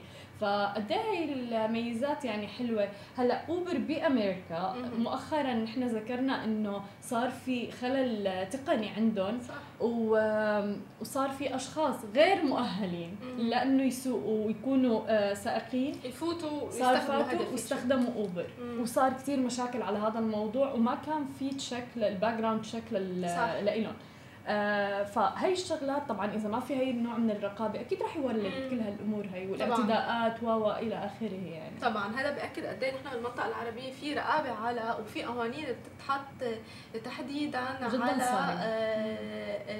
السيفتي أو سيفتي الأشخاص كمان لأنه في أطفال كمان عم الاشخاص أو أهاليهم عم يطلبوا لهم أوبر أو غيرهم ليوديهم عند أصحابهم عند مكان معين حتى على تلفزيون. مرات. إيه مدرسة. مرات فهذا الأمر لا لازم يتاخذ على عين الاعتبار وبعتقد لازم يحطوا قوانين أكثر صارمة. وجديدة شركة أوبر لأنه مش أي شخص ممكن آه، آه، يقود هيدي المهنة أو ياخذ سيارته ويقودها ويحمل معه عالم يعني صحيح صحيح هلا خلينا ننتقل ميرين هذا الخبر. هلا بس بدي أسألك سؤال هاي الموزه قد إيه بتشتريها؟ آه، هلا ما بمشي موزة وحدة بس إنه موزة واحدة مثل ما هي قد إيه بتشتريها؟ درهم نص درهم. درهم واحد إذا كانت بي يعني مكيسة كمان إيه. درهم. لا هيك مثل ما هي. هلا إذا بحطها مثلا بحط لك tape عليها. بتعرفي بقد إيه اشتروها؟ لا. اشتروها ب 120 ألف دولار.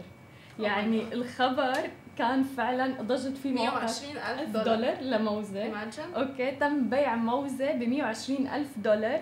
آه بعت نسختين من هذا العمل الفني على قطعة موز بس معلقة على الحائط مع tape Oh okay God. آه بمعرض ارت بازل بمدينة ميامي هذا الأسبوع. آه العمل الفني آه، أطلق عليه اسم الكوميديان. يعني مم. الكوميدي.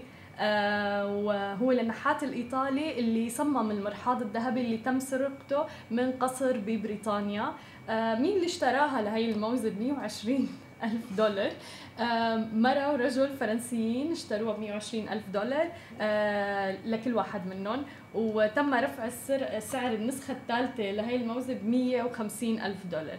و على فكرة الموزة جدا عادية هو النحات اشتراها من السوبر ماركت أكيد. okay. يعني ما- حتى فيها إلى علاقة أي شيء بالفن أو هيك. اشتراها من السوبر ماركت حطها على الحيط وحط عليها tape فكتير غريب الأخبار اللي عم نوصل لها يعني. وقال مؤسس المعرض إنه الموزة بتمثل التجارة العالمية والدخول المزدوج وفيها نوع من الفكاهة. فما بعرف أنتوا بعرف شو رايكم موزة هيك بالموضوع؟ لكن بطيخة وتفاحة ما بعرف شو بيمثلوا يعني بصراحة. وهلا من الصبح حتى الموزة وأنا ماني عارفة خبريتها مش إلا ليه الموزه بالاستديو جوعانة إيه وبالمناسبة على فكرة بنهاية المطاف يعني لما خلص المعرض اشروا أكلها؟ اشتروا هيك شالوا. اشتروا أكلها للموزة. فيعني خبر كان جدا غريب 120 ألف دولار يعني غريب ومضحك ب... إيه. بنفس الوقت بصراحة فعلا فما بعرف 120 ألف دولار أنت شو كنتي عملتي؟ أه هلا ما بدي العالم تفكرني إنه أنا عم بتفلسف إيه. بس أه أشخاص مثل هولي مقتدرين معهم 120 ألف دولار ما بحس لازم يصرفوهم هيك هدر صح. بموزة في العديد من الجوع حول العالم صحيح. فينا نتبرعوا فيه ال- ال- التغير البيئي اللي عم بيصير اللي يمكن أولاد اولادنا ما حيقدروا يتنفسوا الهواء اللي نحن عم نتنفسه ويأكلوا الأكل ويشربوا الشرب اللي نحن عم نشربه آه، بعتقد ب 120 ألف دولار بيقدروا يعملوا. آه، كل ال- النازحين بشكل عام بيقدروا يساعدوهم بال 120 دولار. عن جد ما عم بتفلسف. لا أكيد. آه، بس شيء مضحك بصراحة يعني أكثر من إنه شيء ما بعرف هلأ يعني في ناس شو الفكرة بالموضوع يعني بصراحة؟ أوكي هلأ في ناس يمكن بتقدر الفن بتروح تشتري لوحة بمبالغ كتير كبيرة بس إنه بتقولي فن ومتاعب عليه بس إيه، مش موزة وبالأخير فينا ليتلي اشرى وآكلة يعني. كثير كان غريب الخبر كثير كان في انتقادات عليه وكثير في ناس ضحكت عليه وكثير في ناس صار في سخرية طبعا على الموضوع فغريب الموضوع. أنا لو بإيدي 120 ألف دولار أكيد ما كنت صرفتها بهالطريقة. أكيد أكيد, أكيد يعني. ممكن مثل ما قلتي هالا في في عالم بتقدر الفن. آه، آه، لوحة فنية متعوب عليها. تعبين عليها. بنفهم هذا المواضيع. آه، في عالم بتقدر الفن في صح. عالم بتقضي وقت عم ترسم هذه الل- اللوحة الفنية مع product معين جايبيتها غالية محطوط عليها ذهب بس مش موزة. وآخر شيء اشتريتها بكل بساطة واكلتها وكذا إيه فيعني ما بعرف. Anyways آه خلينا نشوف. بنروح break وبنرجع لكم مع أخبارنا. ورجعنا لكم من جديد مع أخبارنا ومع خبر مؤسف طبعا اللي هو مقتل طالب عماني بلندن بسبب سرقة ساعة رولكس قد طبعا بنشوف كل هذه العصابات منتشرة بالعالم كله والعالم بتكون بس هي رايحة آه، لسياحه أو غرض تعليمي أو حتى آه، لشغل وبتتعرض بيوم واحد بلحظات كمان لقتل وبسبب ساعة لابسينها توفي طالب عماني أثر تعرضه للطعن من أشخاص مجهولين بمنطقه بلندن بالقرب من متجر هارودز بالعاصمة البريطانية لندن وبيعتقد إنه السبب هو محاولة سرقة آه، ساعة رولكس كان الشاب العماني يرتديها وأكدت السفارة العمانية بالمملكة المتحدة إنه عم بتتابع عن آه، ملابسات المقتله مقتل الطالب العماني محمد بن عبد الله العريمي آه، مع السلطات البريطانية المتخصصة. قد إيه مثل هيك أخبار آه، مؤسفة آه، وبلندن يعني معروف مش إنه في عصابات في بعض مناطق كنا عم نحكي أنا وهالا إنه بعض دول مثلا مثل البرازيل معروف إذا بتروحي لعندها حتى تليفونك بيشلحوك اياه لهالدرجة. فالعالم اللي بتروح آه، سياحه على البرازيل لمناطق طبعا معينة مش كل البرازيل. آه، حتى بريو دي جانيرو يعني مم. المنطقة العاصمة هي فيها سرقة هالقد كبيرة. الواحد لازم آه، يكون حذر طبعا. دائما يعني أهالينا بيقولوا لنا ال- ال- الجزدان ينحط من قدام إذا حام جزدان مزدوج. bag أو. شيء. بنحطه من قدام. المصاري ما نحمل كتير آه، مصاري. ما نكون لابسين قصص ثمينة بس بلندن بيروحوا العديد من العالم حتى العرب بيروحوا سياحة للندن أصلا معروف في. لندن إنه luxurious يعني exactly إيه. وبالمنطقه كمان حد هارودز يعني قد إيه كثير مرتب المنطقة مم. وتم كمان الاعتداء على الشخص وحرام. آه، مش بس طعن بالسكينة لا ومات كمان. أدى للموت بس كرمال الساعة اللي هو لبس لبسها قد إيه هول الأخبار مؤسفة جدا. وقد إيه لازم يتعاملوا معها بدقية وحذر كل السلطات المعنية إن كان بلندن وحتى كمان الجالية العمانية. أكيد. وبعدين هذا الموضوع بالنسبة لنا بصب بمصلحتهم يعني هي للسياحه مثلا طبعا فتصوري تصير هاي الجرائم وتكتر مثلا الواحد يسمع فيها أنا من الأشخاص اللي ما رح أروح اسافر على لندن مثلا صح. فهذا كمان بيعود قصص إيه. negative على الدولة أصلا في كثير كثير كثير ناس مبتعثين بيروحوا بيدرسوا بلندن صح من دول الخليج وإلى آخره فبالتالي ما حدا حيأمن على أولاده إنه. يروحوا يدرسوا بلندن anymore. فبتوقع لازم يكون في يعني كثير رقابة على هذا الموضوع آه خاصة وكمان طبعا وكمان الأفراد يعني يديروا بالهم بهذا الموضوع يعني رولكس ملفتة ساعة جدا ثمينة معروف إنه أسعارها جدا جدا باهظة الثمن يعني فبالتالي إنه ما في داعي إنه مثلا بس يمكن رايح سياحة يعني كمان ما فيك نمنع العالم يمكن إذا برأيك إنه أكيد يلبسوا بس أكيد لا ما فينا بس إنه يعني خاصة بعرف. عرفت إيه، العالم اللي إيه. راح يمكن سياحة أو شيء يعني ما بنعرف الغرض الأساسي صحيح. لل للي انقتل طبعا. ونقلت صحيفة ديلي ميل عن صديق الضحية إنه كان عائد إلى منزله بعد خروجه من مطعم بالمنطقة. آه، وهاجموه طبعا شبان ملثمون طلبوا منه ساعته التي يعتقد أنها كانت رولكس كمان. فحاول مقاومتهم لكنه طعنوه لسبب لاخذ الساعة. وحتى رفيقه كان بس ما قدر يدافع عنه. لأنه أشخاص ملتمين. ودغري يعني قتل مش إنه مثلا جايين لسرقة بس لغرض معين معناتها بيعرفوا انه هن رح فيهم يطلعوا من القصة بسهولة. مثلا صح, صح؟ يعني لما بكون في كل هالثقه هاي انه يجوا يطعنوا واحد صح. بالشارع مثلا أو شيء هيك ف يا خبر فعلا مؤسف طبعا جداً. والسفارة العمانية غردت بتويتر وقالت بتغريدة لها عبر حسابها الرسمي على موقع تويتر إنه حد اعتداء مؤسف أودى بحياة الطالب العماني مقدمة التعازي والمساواة إلى أسرة الفقيد. آه، بعتقد كل اللي هناك لح- لازم ياخذوا الحذر آه، صحيح. طبعا من كل هول العصابات. أكيد. آه وهلأ خلينا ننتقل بالخبر الثاني معنا اللي هو من نوكيا، نوكيا لأول مرة بتطلق آه smart TV تلفزيون ذكي، أعلنت شركة ن- نوكيا عن إطلاق أول تلفزيون ذكي اللي هو smart TV بالسوق الهنديه مبدئيا، آه قياس ال TV رح يكون 55 إنش بدقة 4K ومن التقنيات اللي رح يدعمها هذا التلفزيون رح يكون ال Bluetooth، ال Wi-Fi ورح توجد فيه ثلاث منافذ HDMI اللي كثير مطلوبة كثير ناس بحبوها لحتى يوصلوا smart TV مع ال PlayStation تبعهم أو ال Xbox وكمان لل USB رح يكون في آه، منفذي لل USB. وكمان رح يكون في تقنيات عديدة مثل مثلا تقنية التعتيم الذكي اللي هو بتصير الشاشة أسود آه، بحيث إنها تكون كثير مريحة للعيون. حلو. آه، يعني بتقلل من الإضاءة الخلفية للشاشه وكمان آه، رح يعتمد طبعا التلفزيون بما إنه نوكيا على نظام تشغيل أندرويد آه، 2 آه، فاصلة sorry 9.0 آه، وكمان رح يستطيع المستخدمون تثبيت كل التطبيقات اللي بدهم إياها باستثناء Amazon Prime Video آه ورح يبلغ آه سعر هذا ال smart TV حوالي 589 دولار يعني حوالي 2100 درهم تقريبا. آه رح يكون متوفر بالأسواق من 10 ديسمبر. آه مثل ما بنشوف دائما آه هلأ بأخبارنا نوكيا عم ترجع وبقوة يعني. صح.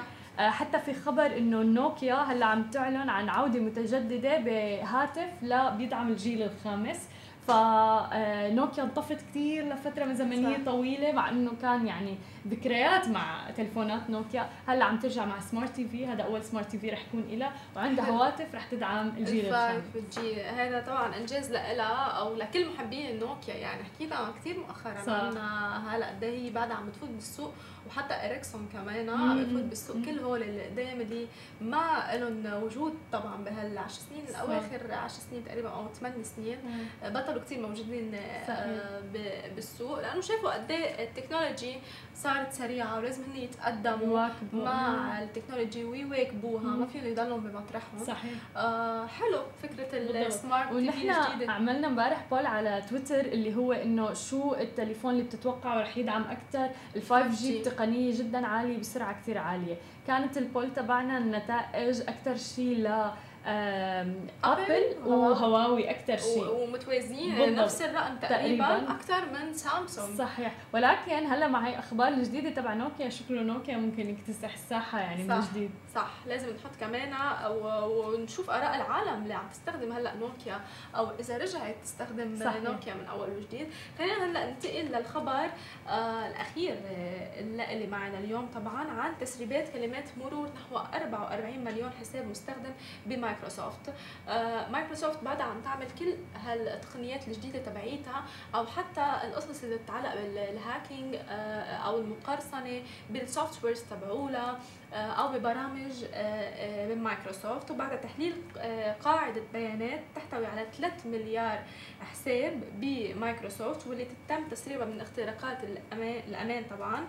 أكد فريق أبحاث التهديدات الأمنية بمايكروسوفت إنه قد حدث تسريبات كلمات مرور لأكثر من 44 مليون حساب مستخدم لديه مشكلة أمنية خطيرة.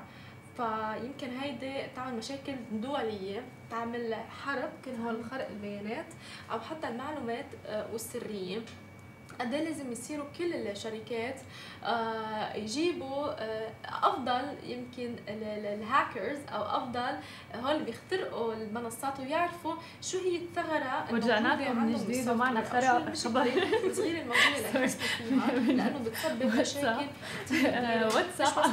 بس البيانات آه، مثل ما بنعرف. آه، وهذا يعني اللي عملوه طبعا مايكروسوفت وقام فريق بتحليل مليارات بيانات على. تسجيل الدخول والله تحت كمية كل الأخبار الموجودة.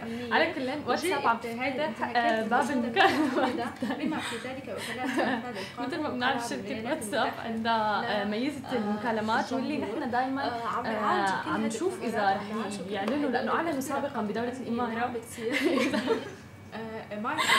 حنروح بريك من بعد البريك حنرجع معكم مع أخبار مايكروسوفت. حتى موجود طبعا.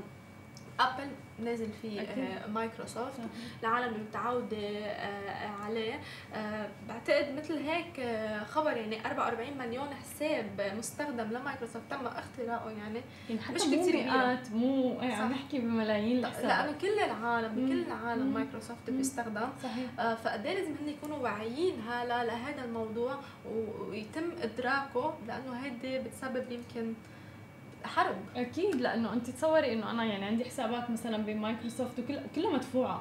عرفتي كيف؟ يعني هون المصاري كمان إلها دخل بالموضوع إنه كلياتها مدفوعة وحتى ال packages تبع مايكروسوفت وهيك ما رخيصة حتى.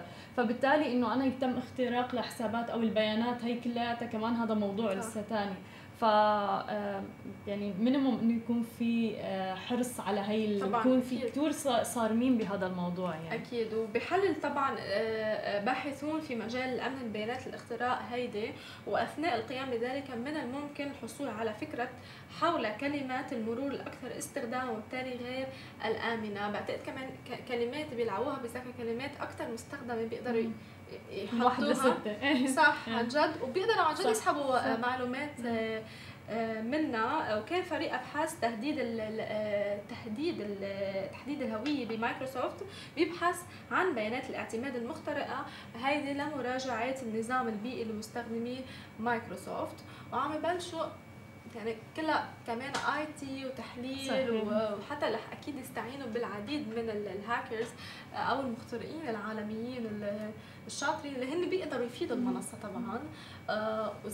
وسبق وذكرت إنه لازم الواحد وكل الشركات تستفيدوا من هول الهاكرز أكيد منن- إيه،. ابدا منن هن تهديد للمشروع أو لل software تبعهم بل هن لا بيساعدوهم ليشوفوا الثغرات ويتفادوا أي مشكله صحيح ويكون لسه متماسك أكثر وفعلا يعني قوي ال system تبعهم أكثر وصعب إنه الواحد يخ- يخترقه. لأنه بصراحة يعني الموضوع بخوف أنا يمكن بحبهم للهاكرز دائما بحكي عنهم لأنه هن عالم لازم عن جد الواحد يستفيد منهم صح. عالم كثير ذكية آه، بيقدروا يفيدوا أكثر ما بيقدروا يضروا ال- ال technology بشكل يمكن عام لأنه الاسم كمان هاكرز.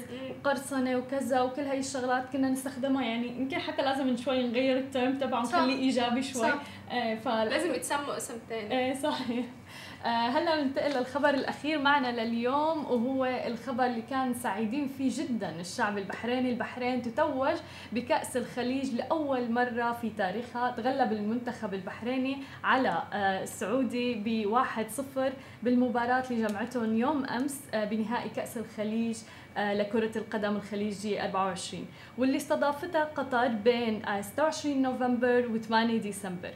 وسجل الهدف الوحيد بالمباراة. مثل ما حكينا آه، المباراة كانت انتهت ب 1-0 نجم المنتخب البحريني محمد سعد رميحي بالدقيقة 69 وللأسف ضاع المنتخب السعودي فرصة ذهبية كانت كان في فرصة فعلا ذهبية لأنه اللي اهدرها سلمان الفرج قائد الأخضر هي كانت عبارة عن ركلة جزاء. كلياتها مستنى ركلة جزاء كان بالدقيقة 12 آه بتعرفي ركلة الجزاء دائما إنه يلا ها إنه سهل إنه الواحد ما في كثير دفاع أو أو إلى آخره.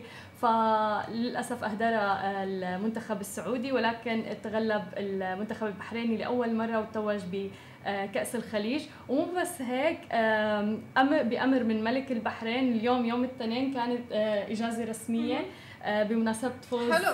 لكل اللي بالبحرين. فشعب كثير كثير فرحان كثير منبسط بهذا الخبر. وكمان في ألقاب ثانية طبعا بسبب بكأس الخليج. يعني مثل مثلا علي مبخوت قائد كان لمنتخب الإماراتي حصل على لقب هداف البطولة بتسجيله خمس أهداف. السعودي عبد اللطيف آه سوري عبد العطيف آه على لقب أفضل لاعب في البطولة الخليجية. والسعودي فواز آه القرني على لقب أفضل حارس بخليجي 24 فحتى لو ما ربحوا بكأس الخليج ولكن توجوا بأسماء بطولات يعني جدا حلوة. حلو. وانجاز كثير كبير للبحرين وقد إيه شعب بحبوا يعيشوا صحيح. معروف ليون واكيد آه، بالمملكة العربية السعودية والبروديوسر كمان السعودي السعودي. فأكيد كان مش زعلان ودائما بياخذوا هيدي الربحية بروح رياضية. رياضية وبنعرف قد إيه أهل البحرين وأهل السعودية طبعا قراب من بعض. حتى وصول المنتخب السعودي بصراحة للمرحلة الأخيرة الاخيره هذا فوز بحد ذاته يعني صح. المباراة آه. كانت فعلا كثير حلوة فبنحب يعني. أكيد نهنئ الطرفين بهذا الإنجاز هول كانوا كل أخبارنا اليوم ما تنسوا تواكبونا وتتابعونا على كل شبكات التواصل الاجتماعي اللي بتتعلق بسماشي TV تواكبونا كل يوم بنفس الموعد على ال live آه رح نروح على ال segment ال segment غطيناها ب Sharjah Entrepreneurship Festival اللي هو مهرجان ريادة الأعمال غطاها سماشي تي في فتابعوا المقابلات اللي عملناها كانت ملهمة جدا مع رواد أعمال وشركات ناشئة بمهرجان شارقه لريادة الأعمال. احكي لنا أكثر عن انفنتلي وشو عم تعملوا هون بمهرجان شارقه لريادة الأعمال؟ السلام عليكم. أنا أحمد من انفنتلي نحن أول شركة مزود مستقلة خدمات جرد الممتلكات. المستفيد هو المالك المؤجر والمتخصصين في هذا المجال. فنحن نجي ناخذ تقرير من عند بداية الإيجار وعند نهاية الإيجار.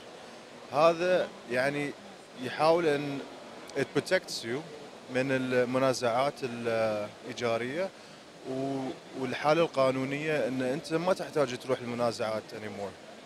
فمن خلال هذا التقرير يؤمن الوديعة ويؤمن حالة الشقة.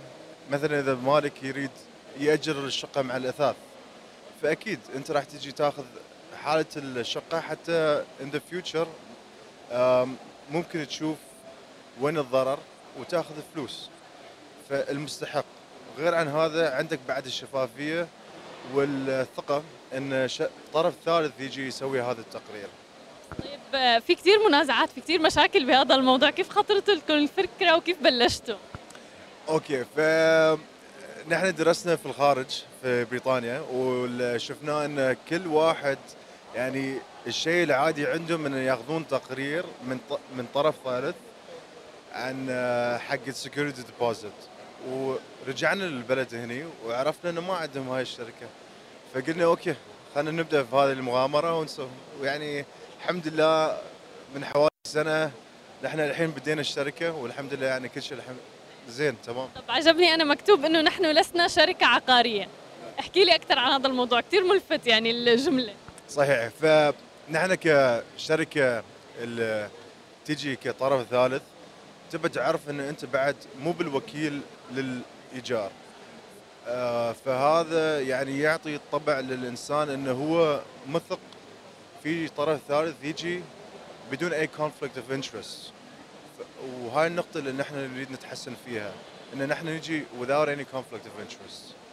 يعني بتص- بتوقع هيك بتزيد الثقة فيكم أكثر كمان؟ لأنه إذا أنتم حستوا لأي طريق كان في انحياز لأي فريق من الموجودين يمكن ال- المستأجر أو حتى الشركة م- ما تثق فيكم كثير هل في إقبال على هذا الموضوع؟ كيف شفتوا العالم يعني صدى الموضوع معهم؟ ف I mean it's a no brainer الموج... يعني الإقبال في أوروبا it's it's happening naturally. لكن في الدول الخليجية yeah, يحتاجون إن يتعلمون عن ال product وبعدين بيقولون okay نستعملهم أو ما نستعملهم. آه لكن إذا تريد إن تحمي نفسك من security deposit يعني هذا أحسن حل عندكم.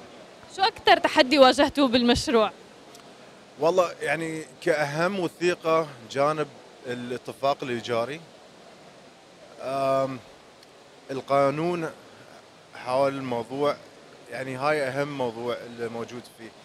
ونحن نريد مو بس نساعد بس نريد نحمي الشخص اللي يأجر والشخص اللي ياخذ الشقة أو يأجر الشقة. طب شو خططكم المستقبلية؟ وين بنشوف انفنتلي والله يعني عندنا في أفكارنا حق المستقبل ال artificial intelligence والأشياء الإنترنت more automation and um, more artificial intelligence. Basically that's what we want to do. ممتاز الله يوفقكم يا رب. موضوع الذكاء الاصطناعي هلا مكتسح العالم يعني فبرافو يعني. الله يوفقكم. ثانك عن رفيق الدرب ورفيقي. رفيق الدرب رفيقي.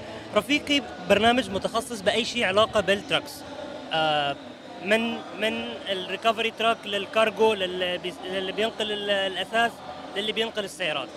آه رفيقي فكرته بدأت من إحنا لاحظنا إنه في مشكلة. آه مشكلة مش بس في الإمارات مشكلة في ال region كله. إنه you have two options لو بتنقلي أثاث أو بتنقلي سيارة أو محتاجة أي نوع من أنواع ال trucks يا إما شركة من الشركات الغالية to be named آه، أو إنك تتعاملي مع ال individual contractors مع واحد عنده سيارته بيشتغل عليها. مشكلة اللي عنده سيارة بيشتغل عليها اللغة آه، الأماكن اللي بيكون فيها. في أماكن مش سهل إنه آه، لل- للسيدات إنها توصل لها. أماكن مثلا آه، تكون ساحة parking فاضية بيكونوا واقفين فيها الشاحنات. طيب إحنا حاولنا نوصل إنه الناس تقدر تستفاد بنفس ال quality بتاعت الشركات وفي نفس الوقت نفس أسعار وال flexibility مع ال individual contractors فعملنا رفيقي رفيق الدرب. ال road companion رفيقي فكرته بسيطة إنه we train the individual contractors ونجهزهم إنه يكون يحسن من الأشياء اللي ناقصاه مثلا عندك هنا ال live tracking الشركات الكبيرة بتطمنك text message okay we have received your shipment تم استلام الشحنة الشحنة وصلت الأثاث في الطريق. عندك هنا live tracking من أول ما تطلبي ال truck لحد ما توصل you know إنه وين مكان ال truck fixed cost مشكلة إنك تتعاملي مع individual contractors الاسعار أنا كعربي مثلا ممكن سعري يكون أفضل من سعر حد ما بيعرفش يتكلم عربي. اللي بيتكلم هندي عنده advantage أكثر وأكثر بيقدر يجيب سعر أقل. هنا fixed cost per kilometer و per ال- الوقت اللي أخذنا فيه ال truck ما فيش فيها آه إنه تحكم بين ال truck driver أو بين ال consumer لأنه again الرفيقs ال drivers they're our partners. وال consumer is our client so إحنا بنحاول نسعد الاثنين schedule later working community زي دبي ال- ال region بشكل عام أغلبنا هنا working expats مشغولين مشغولين مشغولين. ونقدر نحجز next week. Up to 7 days you can schedule your trip. آه مش حتى بس الأثاث حتى السيارات. أنا سيارتي عايز أوديها service next week. أعمل schedule later أحدد إمتى السيارة ال service أخلي المفتاح في السيارة ياخذوا السيارة يوديها المكان ويرجعها. و per kilometer هدفع على ال transportation ال fare estimate كتير قوي بنبقى حابين نحسب. يعني بس حابب أحسب أعرف okay من بيتي للبيت اللي هناك كم هيكلف عشان I know my budget وأنا moving out fare estimate قبل أي order بيطلع لك إنه ال rough estimate بتاع ال trip وتقدري تكملي. to confirm أو change أو okay لا. اخذ truck أصغر أو truck أكبر if it's cheap. Ratings. To make هاي الصراحة أهم شيء to make sure إنه كل الرفيقs controlled وإنه again our partners we trust them but we need to keep um, we need to keep standards. We train them. ندربهم ونجهزهم ون- ون- ونحاول على قد ما نقدر نحسن من مستوى الخدمة. لكن في نفس الوقت في ال ratings الرقيب الرقيب الحسيب عليهم. بس فال ratings من كل consumer بيحدد ال comments على ال truck ال ratings في badges في awards الرفيقs اللي بيستمروا على good ratings إحنا بن بنعلي لهم ال profit ال margin بتاعهم لأن عشان يستمر و to encourage them إنه كمل keep doing keep working good وفي نتيجة. حلو يعني دائما في محفزات عندكم سواء كان للشركاء و... في rewards system فيعني على البترول وعلى ال بيجمع points يقدر بعد كده يستفاد منها كمشتريات. وال app translation هي, هي كمان من المميزات اللي لفتت نظري يعني. بالضبط إحنا في region في أكثر من 100 لغة. عشان نسهل الموضوع الكل app translation أنت تكتبي باللغة وتوصلني أنا بلغة ال driver ال driver يكتب بلغته وتوصلك أنت بلغتك ما يحصلش أي communication جاب لأنه فعلا ال language barrier يعني حاجز ممكن وتحديدا بهالأمور. يعني أنا مثلا الأثاث تبعي أنا كثير اكون حريصة إنه ما يكون في أي سوء تفاهم يصير بيني وبين ال... فهي خدمة فعلا كثير كثير ممتازة. طب ممكن نعرف مثلا آه، وين متواجد؟ شو الإمارات أو شو الدول اللي موجود فيها رفيقي؟ إحنا بدأنا بدبي بالإمارات sorry مش دبي الإمارات بشكل عام. آه، حاليا إحنا في خلصنا ال prototype النهارده أول يوم. آه، النموذج الأولي آه، استلمناه و running ال test ونختبره ونتأكد إنه user friendly ونشوف رأي ال- الناس في ال في ال enter في ال- في المؤتمر. آه، وإن شاء الله بس نكمل ال funding اللي محتاجينه هنروح هن- هنكمل full stage إن شاء الله. إن شاء الله best of luck معدلات السمنة مثل ما بنشوف بتزايد مستمر وتحديدا يعني بوطننا العربي وحول العالم بشكل عام. فخبرينا أكثر عن مشروعك وكيف بلشتي ومن وين إجت الفكرة؟ آه، الفكرة جت لي أنا أخصائية تغذية فخلال سنين خبرتي كنت أشوف المعاناة اللي كانوا يواجهونها الناس إنه يعني صعب ينزلون وزنهم أو ما عندهم وقت يش- يروح يراجعون أخصائي تغذية أو مرات ما يدرون شنو الأكل المناسب اللي المفروض يأكلونه. والحين مثل ما تدرين بالإعلام في وايد معلومات والكل يقول شيء. فشنو الواحد شنو يسمع وشنو ما يسمع وشنو يصدق وشنو ما يصدق؟ فمراجعيني بالعيادي ألهموني إني أسس NutriBox ففكرة NutriBox إنه كنا أخصائي تغذية مخباتج. تقدرين في جانبين الجانب الأول تقدرين تستشيرين أخصائيين تغذية مختلفين بكل التخصصات من العالم العربي كله على حسب احتياجاتك الغذائية ورغباتك الصحية. آه خلينا نقول مثلا تبين إن تنزلين وزنك أو تبين مجرد إنه تبين تعرفين شنو المفروض تاكلينه أساس إنه تعززين المناعة أو أكل اللي مثلا مفيد للشعر والبشرة أو إذا عندك عيال شنو اللي يساعدهم على نمو المخ أو على المذاكرة؟ فأخصائيين تغذية معانا تستشيرينهم على التطبيق كأنك رايحة لهم العيادة لكن اونلاين على NutriBox. والجانب الثاني إن NutriBox ذكي. فكل ما تستخدمين التطبيق كل ما يدز لك نصايح ورسائل اللي آه، تحفزك ويعني it guides you to live a healthy life. يعني هي مو بس اشتراك أنا بكون فيه هو كمان توعية صحية عم تعملوا فيها. في توعية صحية وعندنا هم سوق مثل متجر آه، سوق آه، أكل الصحي. فتقدرين تلاقين وجبات صحية ومنتجات صحية على حسب احتياجاتك الغذائية على التطبيق. ف يعني بكل بساطة NutriBox كأنك خذيتي مخ إخصائي تغذية وحطيتيه بالتطبيق. طيب قد إيه مهم التكنولوجيا؟ هلأ أنتم عم تواكبوا التكنولوجيا بالتطبيق مثلا هذا. قد إيه مهم وتحديدا بالقطاع الصحي؟ التكنولوجيا جدا مهم لأن التكنولوجيا مجرد وسيلة. يعني الحين بدال ما إن أنا مثلا كنت أبي أساعد ناس بالعيادة المراجعين خلال من خلال التطبيق نقدر نساعد العالم العربي كله والعالم ال- كله. مو بس كذي هم الاخصائيين التغذيه اللي معانا على التطبيق. يعني عندنا أخصائيين تغذية من الكويت الإمارات السعودية البحرين إنجلترا. فهم هم يقدرون شنو يعني حقهم هم شنو عيادتهم الخاصة إي على التطبيق.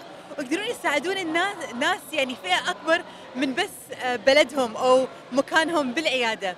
حلو بس كيف شفتوا صدى هذا التطبيق؟ يعني مثلا شوي صعب يمكن آه، تعزيز الثقة بهذا الموضوع إنه هل المستخدمين بيثقوا بهذا التطبيق. صح كلامك.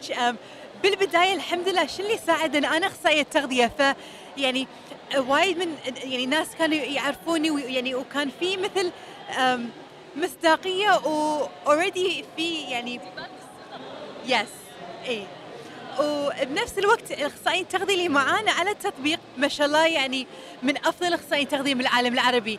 فعندهم متابعينهم عندهم مراجعينهم بالعيادة. فهالشيء آه، يزيد الثقة بالتطبيق. غير كذي إحنا يعني شيء جدا مهم عندنا المصداقية. وإن نوفر للناس منصة آمنة آه، اللي الواحد يقدر يعني يروح لها ويدري إن إي بكل ثقة وكل مصداقية. ف إذا بدي أسألك عن السوشيال ميديا عم تستخدموا مثلا السوشيال ميديا منصات التواصل الاجتماعي لتساعدكم بهذا الموضوع والمشروع؟ السوشيال ميديا كان نستخدمها على أساس إنه uh, we can reach a wider audience.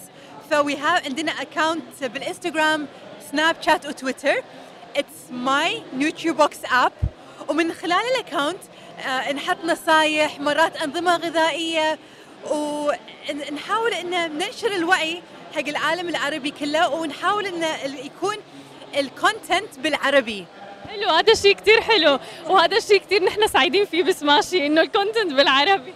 وهذا يعني واحد من الهدف آه، يعني أهدافنا إن نبي نمكن العالم العربي إن ياخذون آه، يعني حياتهم الصحية بإيدهم ونساعدهم قد ما نقدر. و it's very important إنه يكون في content عربي آه، صحيح موثوق فيه وإنه يعني بسرعة الواحد يقدر to have access to it صحيح. هذا الشيء كثير منيح وعن جد فكرة كثير حلوة و best of luck الله يوفقكم يا رب. thank you احكي لنا أكثر please عن BlueFin Technology ومشاركتكم بمهرجان شارقة لريادة الأعمال. آه، طبعا BlueFin هو عبارة عن روبوت ذكي. يقدم حلول آه، في البيئات المائية مثل القنوات المائية أو البحيرات الصغيرة. طبعا يساعد على تنظيف ال ال ال آه، هذه القنوات المائية. آه، نحن هذا الشيء اللي ألهمنا هو البيئة اللي نحن عايشين فيها فيها كثير تلوث بيئي. طبعا نطمح إنه نكون على نطاق أوسع إن شاء الله. ونتمنى أنه نحقق نجاح باهر في في هذا المجال. طبعا تم تجربة الروبوت الذكي في في إمارة الشارقة في- آه، بحيرة القصباء لمدة ثلاث أسابيع وكانت النتائج آه، باهرة. آه، طبعا هو حاليا يعمل على يعمل على ال- ال- البطاريات بحيث أنه نقلل ال emission ال fuel emission وطبعا ن- نزيد من more cleaner energy طبعا آه، هو حاليا آه، ذات القيادة. في في المستقبل طبعا نتمنى إنه نوصله بالذكاء الاصطناعي بحيث إنه يصير عملية فرز النفايات داخل ال- الروبوت نفسه. طيب قد إيه مهم موضوع يعني هلا فعلا مثل ما حكيت تلوث البيئة حول العالم آه كله عم بيحكي عنه جريتا طلعت وحكت عنه يعني وكلياتنا كيف ممكن كمان يساهم الفرد بهذا الموضوع؟ طبعا نحن كأفراد يعني المفروض إنه آه، فينا فينا نساعد كثير بهذا الموضوع بحيث إنه وين ما نروح مثلا على أي مكان فينا نساعد بنظافة البيئة بحيث ما نترك ورانا بعض بعض الأوساخ مثل ما يفعل ال- البعض يعني في في في أي مكان سواء كانت في قنوات مائية أو سواء كانت في الصحراء خاصة في الإمارات. نحن يتوفر عندنا الصحراء وال, وال مثلا آه، البحر أو أي بحيرة. ففينا نساعد بعض على هذا الشيء ونعتني بالبيئة أكثر. طيب آه، كيف ساهمت آه، الذكاء الاصطناعي ببلوفن تكنولوجيز تحديدا هلا الذكاء الاصطناعي يعني مكتسح العالم صراحة وكل ال- الشركات عم يتجهوا نحوه؟ هلا طبعا ال- ال- الذكاء الاصطناعي فيه يميز بين أنواع النفايات وحتى إذا موجود عندنا مثلا آه، آه، كائنات بال- بالماء فيه يفرق إنه هذا مثلا كائن حي أو فيه إنه هذا نفايات. فطبعا أيضا إذا مثلا القناة المائية تكون صغيرة ففي عندنا حواجز مائية راح تكون. ففيه يميز إنه لازم يبتعد عن هذا الشيء أو لازم مثلا يغير مساره. أو هذا الشيء؟ حلو يعني أنا فعلا كان لفت نظري هذا الموضوع إنه هل رح يميز بين الأسماك مثلا أو شيء؟ بالضبط. هلأ هو آه، آلية عمله آه، لا تعتمد على الشفط فهو كثير eco friendly فيك تحكي فما مستح ما راح يأثر على البيئة المائية من حيث ال ال الكائنات اللي عا اللي عايشة جوات المي. طب شو الصدى اللي عم بيجي لبلوفن تكنولوجيز من العالم والأفراد؟ هلا آه كثير اجونا عالم وحبوا الفكرة كثير لأنه مثل ما بتعرفي بيئتنا يعني كثير مهمة بالنسبة لنا فلازم نحافظ عليها دائما ونقدم نحاول نجي بحلول مناسبة للبيئة. طيب نصيحة أخيرة للأفراد للحفاظ على البيئة لأنه موضوع فعلا كثير مهم مو بس للبيئة للكوكب بشكل عام صراحة. حاولوا تكونوا أكثر حاولوا تكونوا مهتمين أكثر بالبيئة لأنه نحن عايشين فيها وهي بالنهاية هي اللي راح تلمنا مع بعض. شكرا كثير لك وألف يوفقكم يا رب. بست اوف لك